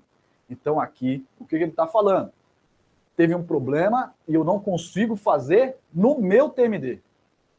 Não consigo fazer o meu BO no meu TMD que está vinculado à minha equipe a minha patrulha, a minha unidade de serviço. Nesse caso, não é que o, o sistema inteiro não está funcionando. Só não está funcionando no meu TMD. Aí eu posso passar a ocorrência, vinculo essa ocorrência a um outro TMD e aí faço no outro. Preferencialmente, um TMD que seja reserva, para eu não passar a ocorrência para uma outra equipe de serviço, entendeu? Porque senão bagunço. A ocorrência está no meu nome, mas está fazendo no, no, TMD de outra equipe, né, meu? Aí bagunça o registro. Para evitar isso, eu vinculo a um outro TMD, preferencialmente da reserva da sede da companhia. Tá certo? Então perceba, aqui a gente não está falando de indisponibilidade do sistema. A gente está falando de um TMD que não funciona. Ou de um caso específico ali em que não está funcionando, que eu não estou conseguindo lançar. Nas circunstâncias em que houver indisponibilidade do CIOPM, aí é diferente, que não permita a elaboração do BO digital, a unidade de serviço deverá preencher em caráter excepcional o impresso PMO 58, que aí é o formulário físico. Tudo bem? Notou que são duas coisas diferentes? Notou? Ah, teve um problema no meu TMD. Faço no BO físico? Não, tá errado. Tem um problema no meu TMD, eu faço em outro TMD. Vinculo a outro, preferencialmente reserva da minha companhia. Show? Legal? Ah, agora não, agora é o COPM, caiu tudo, aí ninguém consegue fazer, nem eu, nem o reserva, nem a outra viatura, ninguém mais consegue fazer. Aí eu faço no BO físico. Fazer o BO físico é a última opção que eu tenho. Tranquilo? Na prova, o examinador vai falar que é o contrário. Ele vai falar: olha, nas hipóteses em que ocorram problemas de ordem tecnológica que inviabilizem a elaboração do BO digital no TMD ou TPD, atrelado a determinada é, unidade de serviço, é, aí ele vai pular para a assertiva de baixo. Aí ele vai falar assim, ó, a unidade de serviço deverá preencher em caráter excepcional o formulário PMO 58, e aí vai estar errado. Compreendeu? O examinador, ele é maldoso, ele é maldoso. Ele vai fazer isso aí com você. É, eu estou te falando, já tô, eu sou seu amigo, eu estou querendo te contar isso aí antes, porque eu sei que ele vai fazer isso. É assim que ele trabalha, né? É assim que ele ganha o, o QSJ lá da VUNESP, né? Fazendo esse tipo de, de trapalhada com a gente. Então, fique esperto. O item 6.2.7 diz o seguinte: eventualmente, o registro da ocorrência poderá ser feito diretamente nas instalações físicas, por procura das partes interessadas ou necessidade da unidade de serviço, ensejando sua elaboração também por meio do TMD ou TPD disponível na companhia. E quando a solução tecnológica assim referendar, diretamente no CIOPM Web. Então veja, aqui ele está falando assim: de repente, eu posso ter que fazer a ocorrência lá é, a gente tem que partir daquela, daquela regra inicial, né? Onde eu faço BO? No local. Se eu não puder fazer no local por questões de segurança e condições climáticas, eu vou para um local seguro e protegido. Na OPM é o último caso. Mas imagina que de repente a parte ela foi até a companhia para fazer o registro da ocorrência. Se ela foi até lá, eu vou fazer no papel? Não, eu vou fazer num TMD ou TPD. Então o serviço de dia ele tem que ter um TMD ou TPD. O BO online ele tem que ter um TMD ou um TPD. Se já tiver sendo possível fazer no seu APM Web, eu faço no seu APM Web eu registro. Mas no papel, eu só faço quando não tiver jeito, quando o sistema estiver indisponível. Isso é que é importante a gente saber. Tá certo? Ah, a parte procurou a companhia para registrar a ocorrência. Nesses casos, será feito o registro no formulário PMO 58, impresso. Está errado, não é. É no TMD ou TPD. Maravilha? Legal? Cuidado, questão de prova, isso aí. Ah, eu falo o tempo todo questão de prova, né? O colega outro dia falou assim, falou, professor, porra, mas todo caso agora é questão de prova? É. Tudo que está aqui é questão de prova. Né? Senão não precisava nem eu falar, né? Senão pulava, como eu pulo algumas coisas, né? Olha lá, do item 6.2.2.3, viu ali? 6.2.2.3, eu pá, pulei por 6.2.5. E o do meio? Não é questão de prova. Tá certo? Essa dali é a aposta minha, que não é questão de prova. Legal? Eu vim direto aqui para essa questão da ordem dos problemas, né? Dos problemas de registro. Esse negócio de problema de registro, ele é um negócio que na prática dá novidade e na prova dá novidade também. Né? A gente precisa saber o que fazer. Se eu não consigo fazer no meu tablet, eu faço em outro. Se o sistema está fora do ar, eu faço no impresso. Se a parte for na companhia, tem que ter um tablet para fazer, ou se o OPM Web para fazer informatizado. Fazer no papel, fazer por escrito ali, com aquela minha letra maravilhosa, aquela minha letra que, que nem um médico lá da, da, do Hospital das Clínicas consegue entender, isso aí é só o último caso, é só a última hipótese. Maravilha? Aquele formulário com a minha marcona de digital, né? A marcona de digital do ladrão lá que foi lá, né? deu aquela. Né? tocou lá o piano lá no DP e depois vem, pega o BO ali para assinar alguma coisa, tudo misturado? Não. formulário de papel está ultrapassado, já era, só em último caso. Maravilha. Aí, na sequência, nós temos ali nesse item 6.3, circunstâncias passíveis de registro em BO. Isso aqui é coisa de Norsop, né? Está aqui dentro porque é, tentou se congregar dentro da norma que trata do BO eletrônico, tudo aquilo que dizia respeito a BO. Então, colocou-se aqui dentro quando que você faz BO e quando não. Né? Então, o tópico ali inicial, ele diz o seguinte, ó, nos termos da Norsop, já voltou lá na Norsop, deve ser objeto de registro em BO todo e qualquer atendimento de unidade de serviço envolvendo infração penal ou dano patrimonial. Eu tenho que fazer BO toda vez que tiver infração penal ou dano patrimonial. Eu tenho que fazer BO, infração penal e dano patrimonial. Ou ainda nos casos de preservação de direitos. Preservação de direitos, às vezes não teve dano patrimonial e nem teve ilícito penal, mas é aquele cara que quer registrar de alguma forma uma, uma, uma situação de fato, para que ele busque futuramente é, direitos de qualquer natureza, né? Então o cara ele fala assim, olha, eu chamei a viatura aqui porque eu comprei esse fone de ouvido, é o exemplo que eu acabei de ouvir. Acabei de ouvir, o cara ele veio falar isso, né? Chamou a viatura por causa disso. Comprei esse fone de ouvido aqui no mercado, no mercado livre, o fone de ouvido ele veio quebrado, né? Ele veio quebrado. O cara me entregou dentro da caixa quebrada. Aí eu fiz a reclamação via é, via internet, tá aqui, ó. Fiz a reclamação, o cara falou para mim que o problema é meu.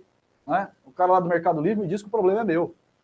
É, que, que eu preciso fazer alguma coisa, preciso registrar isso aqui. Mas fala pro cara, fala, meu, você precisa é, procura um advogado, tal, ingressa com ação, né, para você se ver ressarcido se você entender que é o caso. Procura o Procon, fala, faz uma reclamação via internet em, um, em, em uma administradora do site. Você vai orientar o cara de 1.500 jeitos. Ele fala, não, eu quero um BO. Eu preciso de um BO para eu registrar essa situação porque eu quero é, ver com o meu advogado o que eu faço depois. É o BO de preservação de direitos. É aquele caso que você fala assim, meu, eu vou fazer esse negócio para quê? Né? Não tem crime, não tem... Mas é uma constatação. É uma constatação de uma situação de fato que muitas vezes é importante para a pessoa, né? para fins de busca de futuro direito. Ah, eu estou aqui, é, eu quero fazer um BO de preservação de direito porque eu cheguei na hora e o portão da faculdade estava fechado. Imagina que você vai prestar um concurso público. Eu vi um caso desse também recente. O cara vai prestar um concurso público. Falava assim: o portão fechará às 13 horas. O cara estava lá 13 horas na porta do negócio e o portão já estava fechado. O cara fechou antes. Aí ele falou assim: Meu, eu quero mostrar que eu estava aqui 13 horas e que o portão já estava fechado. E aí ele vai e pede para uma patrulha que está lá fazendo ostensivo, fala assim: Tá vendo aqui, ó? Você viu a hora? Você viu que são 13 horas agora? Você viu que o portão já está fechado? O cara fechou antes? Eu cheguei aqui, era 13 horas, já estava fechado. Não pode fechar antes, ele tem que fechar às 13, exatamente. Né? E aí ele queria registrar um BO, é, queria registrar um boletim de ocorrência para os policiais falaram assim, meu, ele chegou de fato às 12h59 e o portão já estava fechado. Né? Então, isso aí é o BO de preservação de direito. Não tem dano patrimonial, não tem infração penal, mas a pessoa quer registrar. Então, tem que fazer? Tem que fazer. Você viu aí? Que coisa? Né? Nos termos da NOSOPS, deve ser objeto, deve ser objeto de registro do BOPM, todo e qualquer atendimento da unidade de serviço envolvendo preservação de direito. Maravilha? Legal. Aí, legal. Ele vai falar ali que é dispensável a elaboração do BO naqueles casos ali, exceto, olha só, o exceto, exceto nas ocorrências de trânsito e preservação de direitos. Falou de novo em preservação de direitos, né? Falou de novo em preservação de direitos. Não chama atenção? Chama. O examinador, ele olha isso. Ele fala assim, meu, falou em preservação de direito lá em cima, falou de novo aqui. Imagina que é um paisano que vai fazer a questão. Não estou dizendo que é, tá? Estou falando assim, pode ser um paisano. Ele vai pegar o negócio e vai ler. Ele entende disso aí? Entende nada, né, meu? Ele vai procurar o quê? Ele vai procurar a informação que vai te dar novidade. Aí ele vai falar, ó, lá em cima falou de preservação de direito, tem que fazer. Esse, é dispensável, exceto na preservação de direito. Legal. Aí lá mais embaixo ele fala o seguinte: a elaboração do BO eletrônico, olha lá, o último item ali da nossa, do nosso slide. A elaboração do BO eletrônico de preservação de direitos deve restringir-se ao relato do fato verificado pelos integrantes da unidade de serviço, constando-se no relatório da autoridade policial a expressão inicial para fins de preservação de direitos. Meu, você consegue perceber que é importante esse negócio de preservação de direitos? O que, que mais repete ali tantas vezes quanto essa expressão? Nada. Nesse monte de assertivo ali, nada mais repete na mesma quantidade de vezes que a expressão BO de preservação de direitos. Então isso aí é importante, isso aí é importante. Primeira informação. Tenho que registrar BO nas ocorrências de preservação de direito. O boletim de ocorrência ele pode ser dispensado naquelas hipóteses todas ali, exceto se for ocorrência de trânsito ou preservação de direito. E lá mais embaixo, veja lá, é, lá mais embaixo, ele diz assim, que no BO de preservação de direito, o, o, militar ele tem que se restringir a dizer o que ele viu. Ele vai se restringir a dizer o que ele viu. Então ele vai chegar naquele caso lá do cara que reclamou, ele vai falar assim, olha, é, ele vai iniciar lá, para fim de preservação de direitos, nos deslocamos até o local tal, onde fiz contato com a parte fulano de tal, que está lá qualificado, e que nos informou que em dia tal comprou um, um, é, um aparelho de, de, fone de ouvido pelo Mercado Livre, nos apresentou a página que diz que foi entregue em tal dia, é, disse ele que o aparelho veio é, quebrado, eu constatei que o aparelho estava com um, não sei o que rompido, ele disse que fez uma reclamação e que o funcionário lá da empresa disse que era para ele procurar os direitos dele. Aquilo que eu vejo, aquilo que eu vejo eu lanço no BO. É isso que a norma está dizendo aqui, o que eu consigo ver. Tudo bem?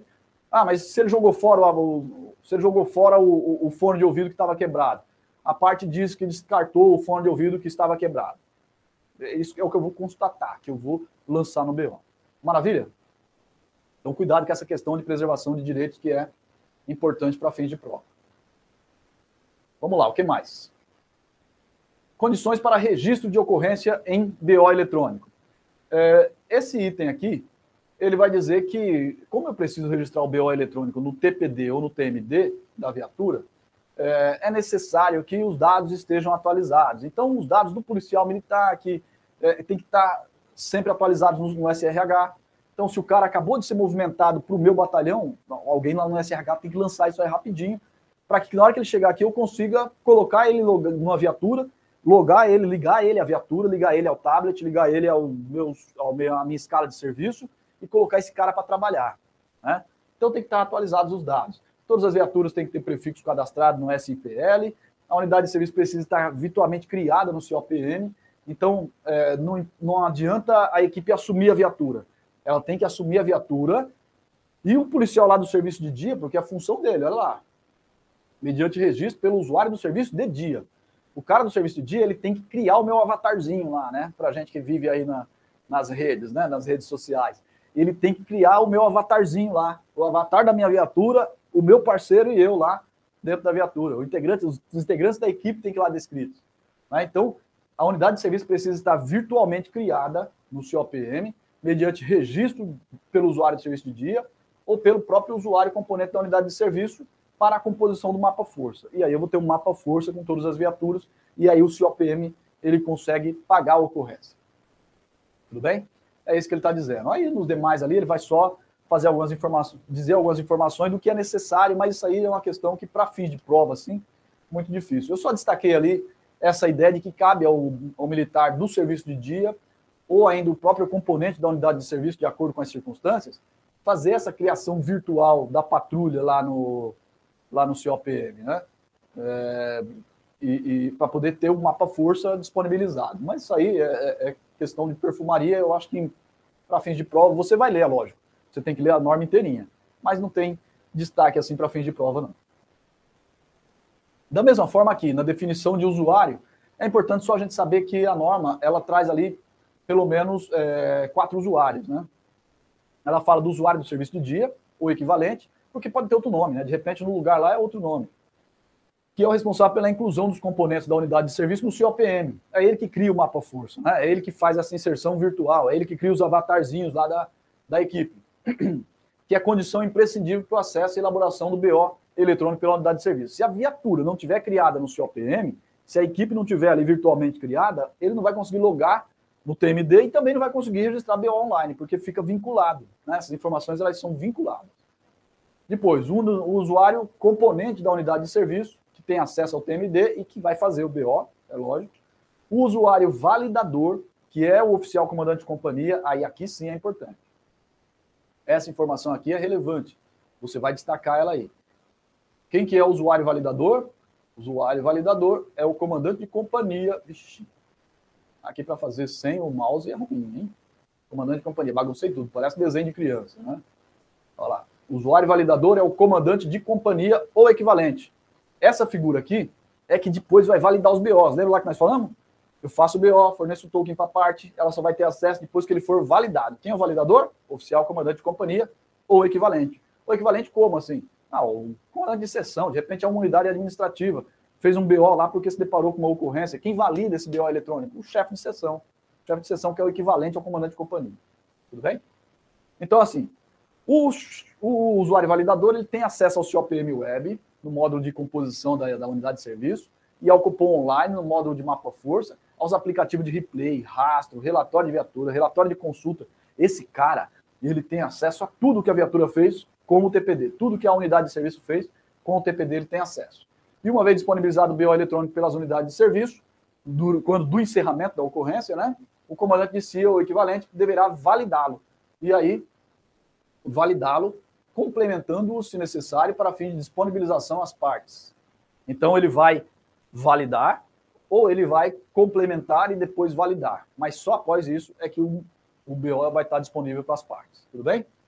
Usuário despachador do centro de operações. Esse camarada aqui é o militar que tem acesso aos sistemas inteligentes, com atribuição de controlar em tempo real a localização da unidade de serviço, a fim de evitar o recebimento dos dados, de verificar o recebimento dos dados iniciais da ocorrência, realizar o empenho da unidade de serviço nos casos de inoperância do TMD ou TPD, e é também o responsável por colaborar com o suporte de dados ofertados à unidade de serviço para a elaboração final do BO. Então, o cara lá do, do despachador, do, do cupom, né? Despachador do centro de operações, é o cara que só vai dar suporte, né? Então, é ele que tem que estar tá acompanhando ali a distribuição das ocorrências. Na hora que eu pedir é, um contato, por exemplo, com a vigilância sanitária, com o PROCON, lembra lá do, do, do ocorrência envolvendo menor? É ele que vai fazer é o cara que vai tentar localizar o proprietário daquele veículo abandonado. É o... Então é isso que ele vai fazer. Vai passar os dados para a patrulha. Daqui então, o que, que é importante? O usuário validador. É esse cara que é relevante. Legal? É o comandante de companhia.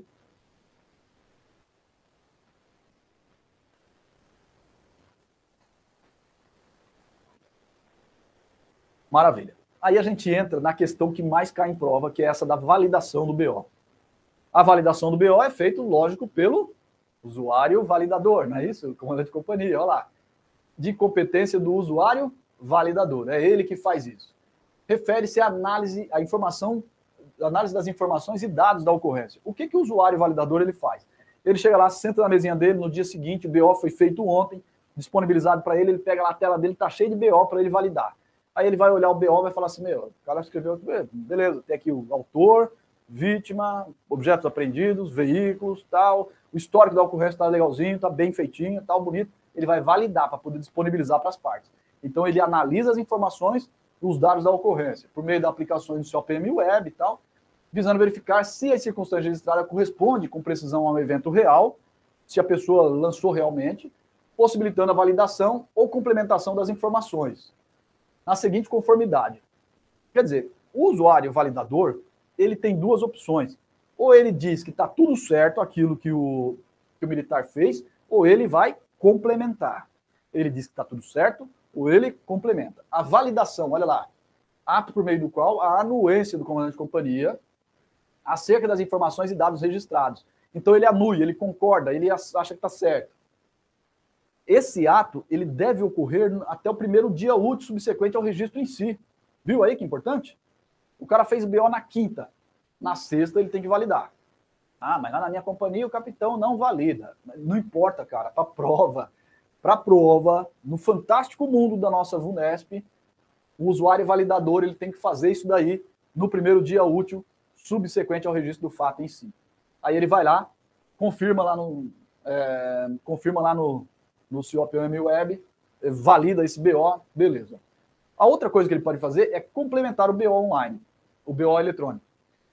é, como que ele complementa esse negócio? Ele vai fazer um BO complementar. Ele vai fazer um outro BO. Um outro BO. BO complementar. Que é realizado, olha lá, preferencialmente no ato da sua validação pelo comandante de companhia. O equivalente. Entretanto, considerando dados e informações supervenientes que possam impactar o registro inicial, também poderá ser processado posteriormente ao prazo indicado no subítem anterior. O complemento permite duas possibilidades. Então, o que, que é essa complementação que ele está falando que tem que ser feito num BO é, complementar? Complemento de informações especificamente dito, ou ainda a retificação de informações e dados. Viu aí que coisa? O comandante de companhia ele pega o BO eletrônico que o policial fez. Ele vai olhar e falar assim: meu, ali está faltando o local da ocorrência. Cara, ele lançou tudo, mas fica faltando o logradouro ali, né, onde a ocorrência aconteceu. É, ah, ele lançou tudo, mas está faltando aqui a, a, justamente a, a, identificação do veículo, está faltando o endereço de uma das partes, está faltando os dados de, de documento de uma, de uma testemunha. Né? Então, aqui nesse caso, a gente está falando de complementar os dados, colocar alguma coisa que não existia. Né? Então, complemento, quando for verificado pelo usuário validador, eventual lacuna no BO não registrada originalmente pelo usuário da patrulha, da, da unidade de serviço. Ou ainda ele pode retificar dados e informações, quando for verificada pelo usuário não conformidade do registro processado pelo usuário componente da unidade de serviço. Eventualmente, então, o usuário ele pode ter lançado uma informação incorreta. Né? Aí você fala assim, meu, mas não é tudo um informatizado? Se o cara deu o RG, já não vai puxar aqui todo o cadastro da pessoa? E o documento? Não vai, se ele lançar o veículo, se ele lançar a placa, não vai trazer tudo? Tudo bem, mas tem informação que de repente eu tive que lançar manualmente. E aí eu vou lançar manualmente, eu lanço de forma errada. É, vou lançar prefixo da viatura que está atendendo a ocorrência. O certo é ele vir automático no BO, porque tá já está ligado, está né, tá linkado. Mas se não vier eu tiver que lançar? Aí vai que eu lance errado. Tudo bem? Então, essas informações que vêm de forma incorreta, o usuário validador ele pode fazer a correção por meio de um BO complementar. Tudo bem? Por meio de um BO complementar. Então ele não entra no BO do patrulheiro lá e sai alterando dados. O BO que o patrulheiro fez fica igualzinho, fica do jeitinho que estava, da forma como estava. Legal? O BO que o patrulheiro fez fica do jeitinho que estava. Ele vai fazer um BO complementar, seja para corrigir dados, seja para acrescentar dados. É isso que a norma está dizendo. Olha lá, vamos na sequência. Além das duas possibilidades anteriormente destacadas, ambas de iniciativa do usuário validador, foi ele que constatou, também há a hipótese de um complemento ser proposto por uma das partes interessadas na ocorrência, pelo próprio usuário componente da unidade de serviço, é, ocasião em que a solicitação de complemento será encaminhada para análise do comandante de companhia, o equivalente, preferencialmente embasado por cópias de documentos comprobatórios, e convém ressaltar nesses casos que a decisão final pelo complemento é sempre do comandante de companhia, o equivalente. Tá fácil? Não tá fácil, né? Veja lá em cima. Vamos voltar lá no lá em cima. Quando a gente fala de complementação, então, de validação, então, a gente está falando da validação, dando ok, ou a gente está falando da complementação. A complementação, ela vai ser feita preferencialmente no ato da validação, não obrigatoriamente. Naquele dia seguinte lá, o comandante de companhia ele pode fazer a validação ou ele pode fazer a complementação. Mas se ele validou do jeito que estava, depois chega um dado para ele lançar mais, dois dias, três dias, quatro dias depois. Aí ele vai poder fazer? Pode fazer um BO complementar. Mas, de qualquer forma, é necessário fazer um BO complementar. Se a parte procura, falando assim, olha, a equipe esqueceu de lançar lá no rol dos, dos objetos furtados uma gargantilha que tinha esmeraldas que valia não sei quantos mil reais. Pronto. É, é uma informação que eu preciso acrescentar no BO. Essa informação ela pode ter chegado depois que eu já validei. Então, eu posso fazer depois? Pode também. Nesses casos aqui, seja porque a parte pediu, seja porque o usuário da viatura pediu, falou assim, chefe, eu fiz aquele BO cinco dias atrás, ficou faltando lançar tal coisa. Tem como lançar agora? Quem vai decidir é o comandante de companhia. É ele que vai decidir. É ele que vai avaliar se é o caso de fazer um BO complementar. Mas, de qualquer forma, ele pode fazer a qualquer tempo, preferencialmente quando da validação, já resolve de uma vez.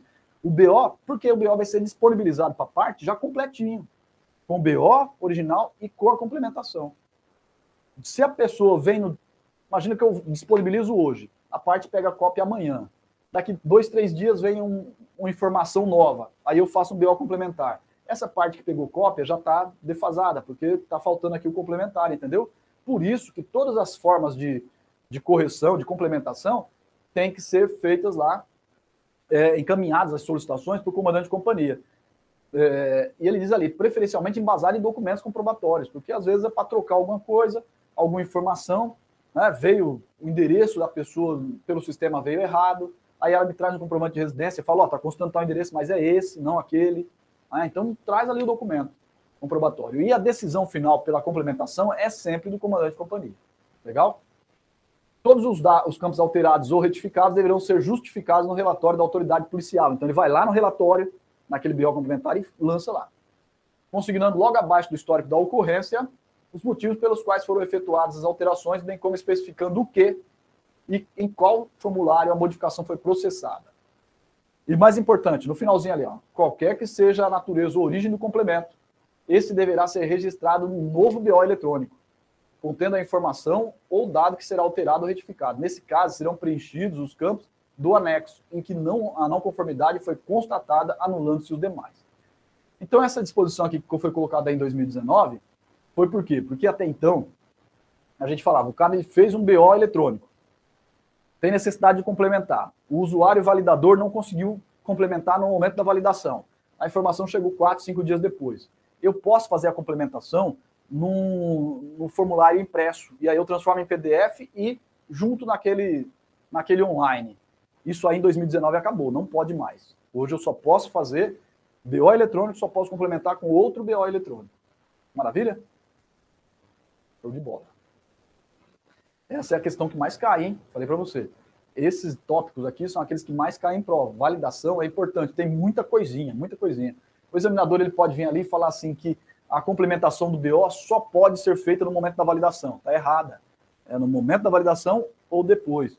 Vai dizer que se foi um patrulheiro que fez o BO eletrônico, tanto ele quanto o comandante de CIA podem fazer a complementação. Não, complementação é só o validador, só o comandante de companhia. Tá certo? Ele vai dizer que a complementação ela sempre exigirá documentos comprobatórios. Não, ele fala preferencialmente vai exigir documentos comprobatórios. Tudo bem? Vai dizer que eu posso complementar acrescentando dados não colocados, mas que eu não posso corrigir o que está lá. Ou vai dizer que só posso corrigir, que não posso acrescentar vai dizer que se for para corrigir, eu posso corrigir no mesmo BO, sem necessidade de um BO complementar, e vai estar tá errado. Seja para complementar, seja para corrigir, é sempre um BO complementar. Porque o registro feito pelo patrulheiro tem que ficar íntegro, tem que ficar é, original. Tá certo? Olha lá, o item 6.6.5. Ainda no que se refere à indisponibilidade do sistema, o BO eletrônico complementar só poderá ser elaborado eletronicamente viu? É aquilo que eu te falei, não pode mais fazer físico. Ele colocou ali que só pode ser elaborado eletronicamente, porque até então eu tinha a possibilidade de fazer o BO físico e transformar em PDF e anexar. De 2019 em diante, não posso mais. Então, isso aqui o examinador vai usar na prova. Ele vai pegar o item 6.6.5 antigo e vai falar assim que eu posso fazer tanto um, um complementar eletrônico como um complementar físico. Tudo bem? Legal. É... Ainda no que se refere à disponibilidade do sistema, os BO eletrônicos complementares só poderão ser elaborados eletronicamente, tendo em vista a obrigatoriedade de se localizar os dados originais da ocorrência para a efetivação do complemento. Para tanto, o usuário deverá informar no sistema se o registro refere-se a um BO novo ou um BO complementar. Se ele informar um BO complementar, o próprio sistema vai pedir é, o número do BO original, e daí ele vai lançar ali na complementação. É, nesse item 6.6.9, eu destaquei ali para a gente o seguinte: ó, eventuais não conformidades associadas ao uso da língua portuguesa, ou seja, grafia, sintaxe, digitação, deverão ser efetuadas pelo comandante de companhia ou equivalente no campo despacho. Olha, disponível na versão eletrônica.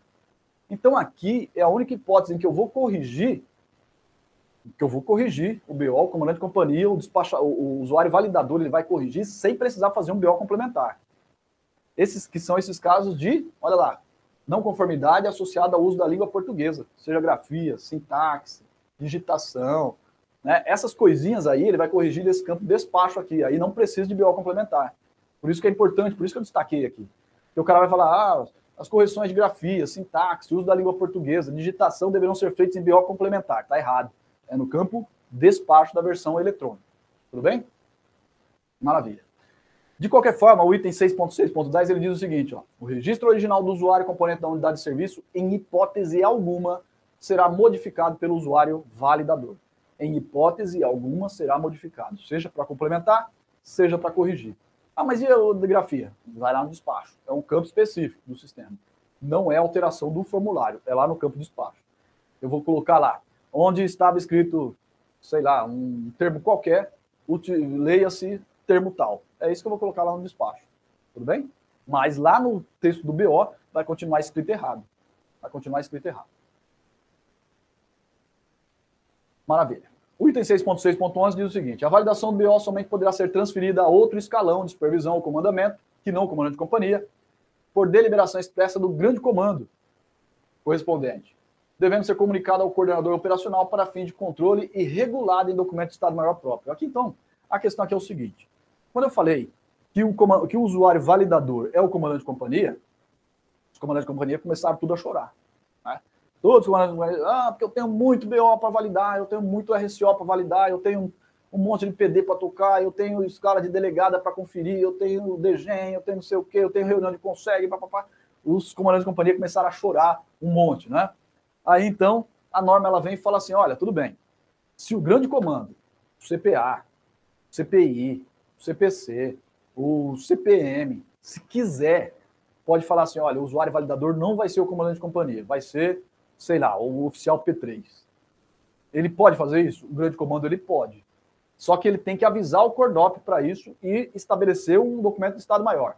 Uma nota de serviço, uma nota de instrução, uma ordem de serviço, tem que fazer um documento de Estado Maior dizendo: olha, em tal CPA, a validação de BO não é feita pelo comandante de companhia, e sim pelos oficiais P3. É isso aí que a norma está dizendo. E mais, nos casos de transferência de competência, olha lá no finalzinho, para validação, deve-se levar em conta o princípio da uniformidade. Ou seja, a nova disposição deverá ser válida para todas as OPM subordinadas ao grande comando.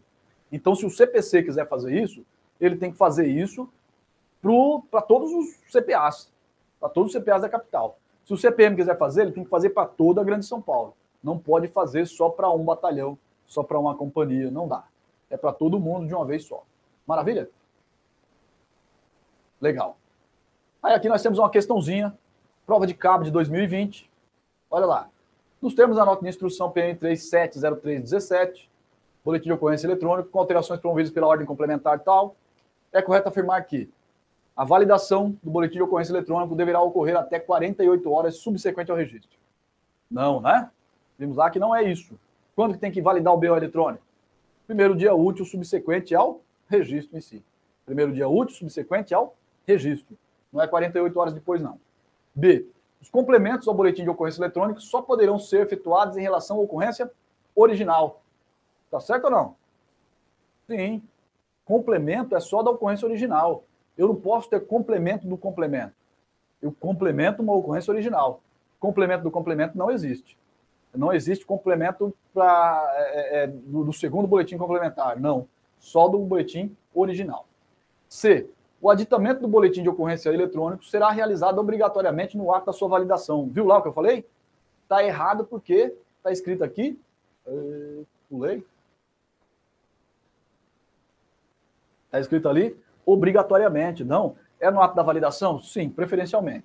Mas se a informação só chegou cinco dias depois, então não posso complementar? Pode, cinco dias depois você pode complementar também. Não tem problema nenhum. Tá? Então não é obrigatoriamente, não. D. Qualquer eventual complemento deverá ser registrado no boletim de ocorrência eletrônico original, sendo vedada a elaboração de novo boletim. É justamente o contrário. É, qualquer complemento é em boletim complementar. Complemento, boletim complementar e não no original. O original ele fica íntegro lá, do jeitinho que o policial fez. Maravilha? Questãozinha de prova, então, olha lá, só tocando nesses tópicos que eu disse para você aí a respeito da validação. É o que mais cai em prova. Fica ligeiro com ela. Comunicação formal das ocorrências tipificadas na resolução SSP 057. Ah, essa, essa resolução 057, e, e ela tem uma norma que trata justamente dela na instituição também, cai na sua prova e nós vamos ver nos nossos próximos encontros.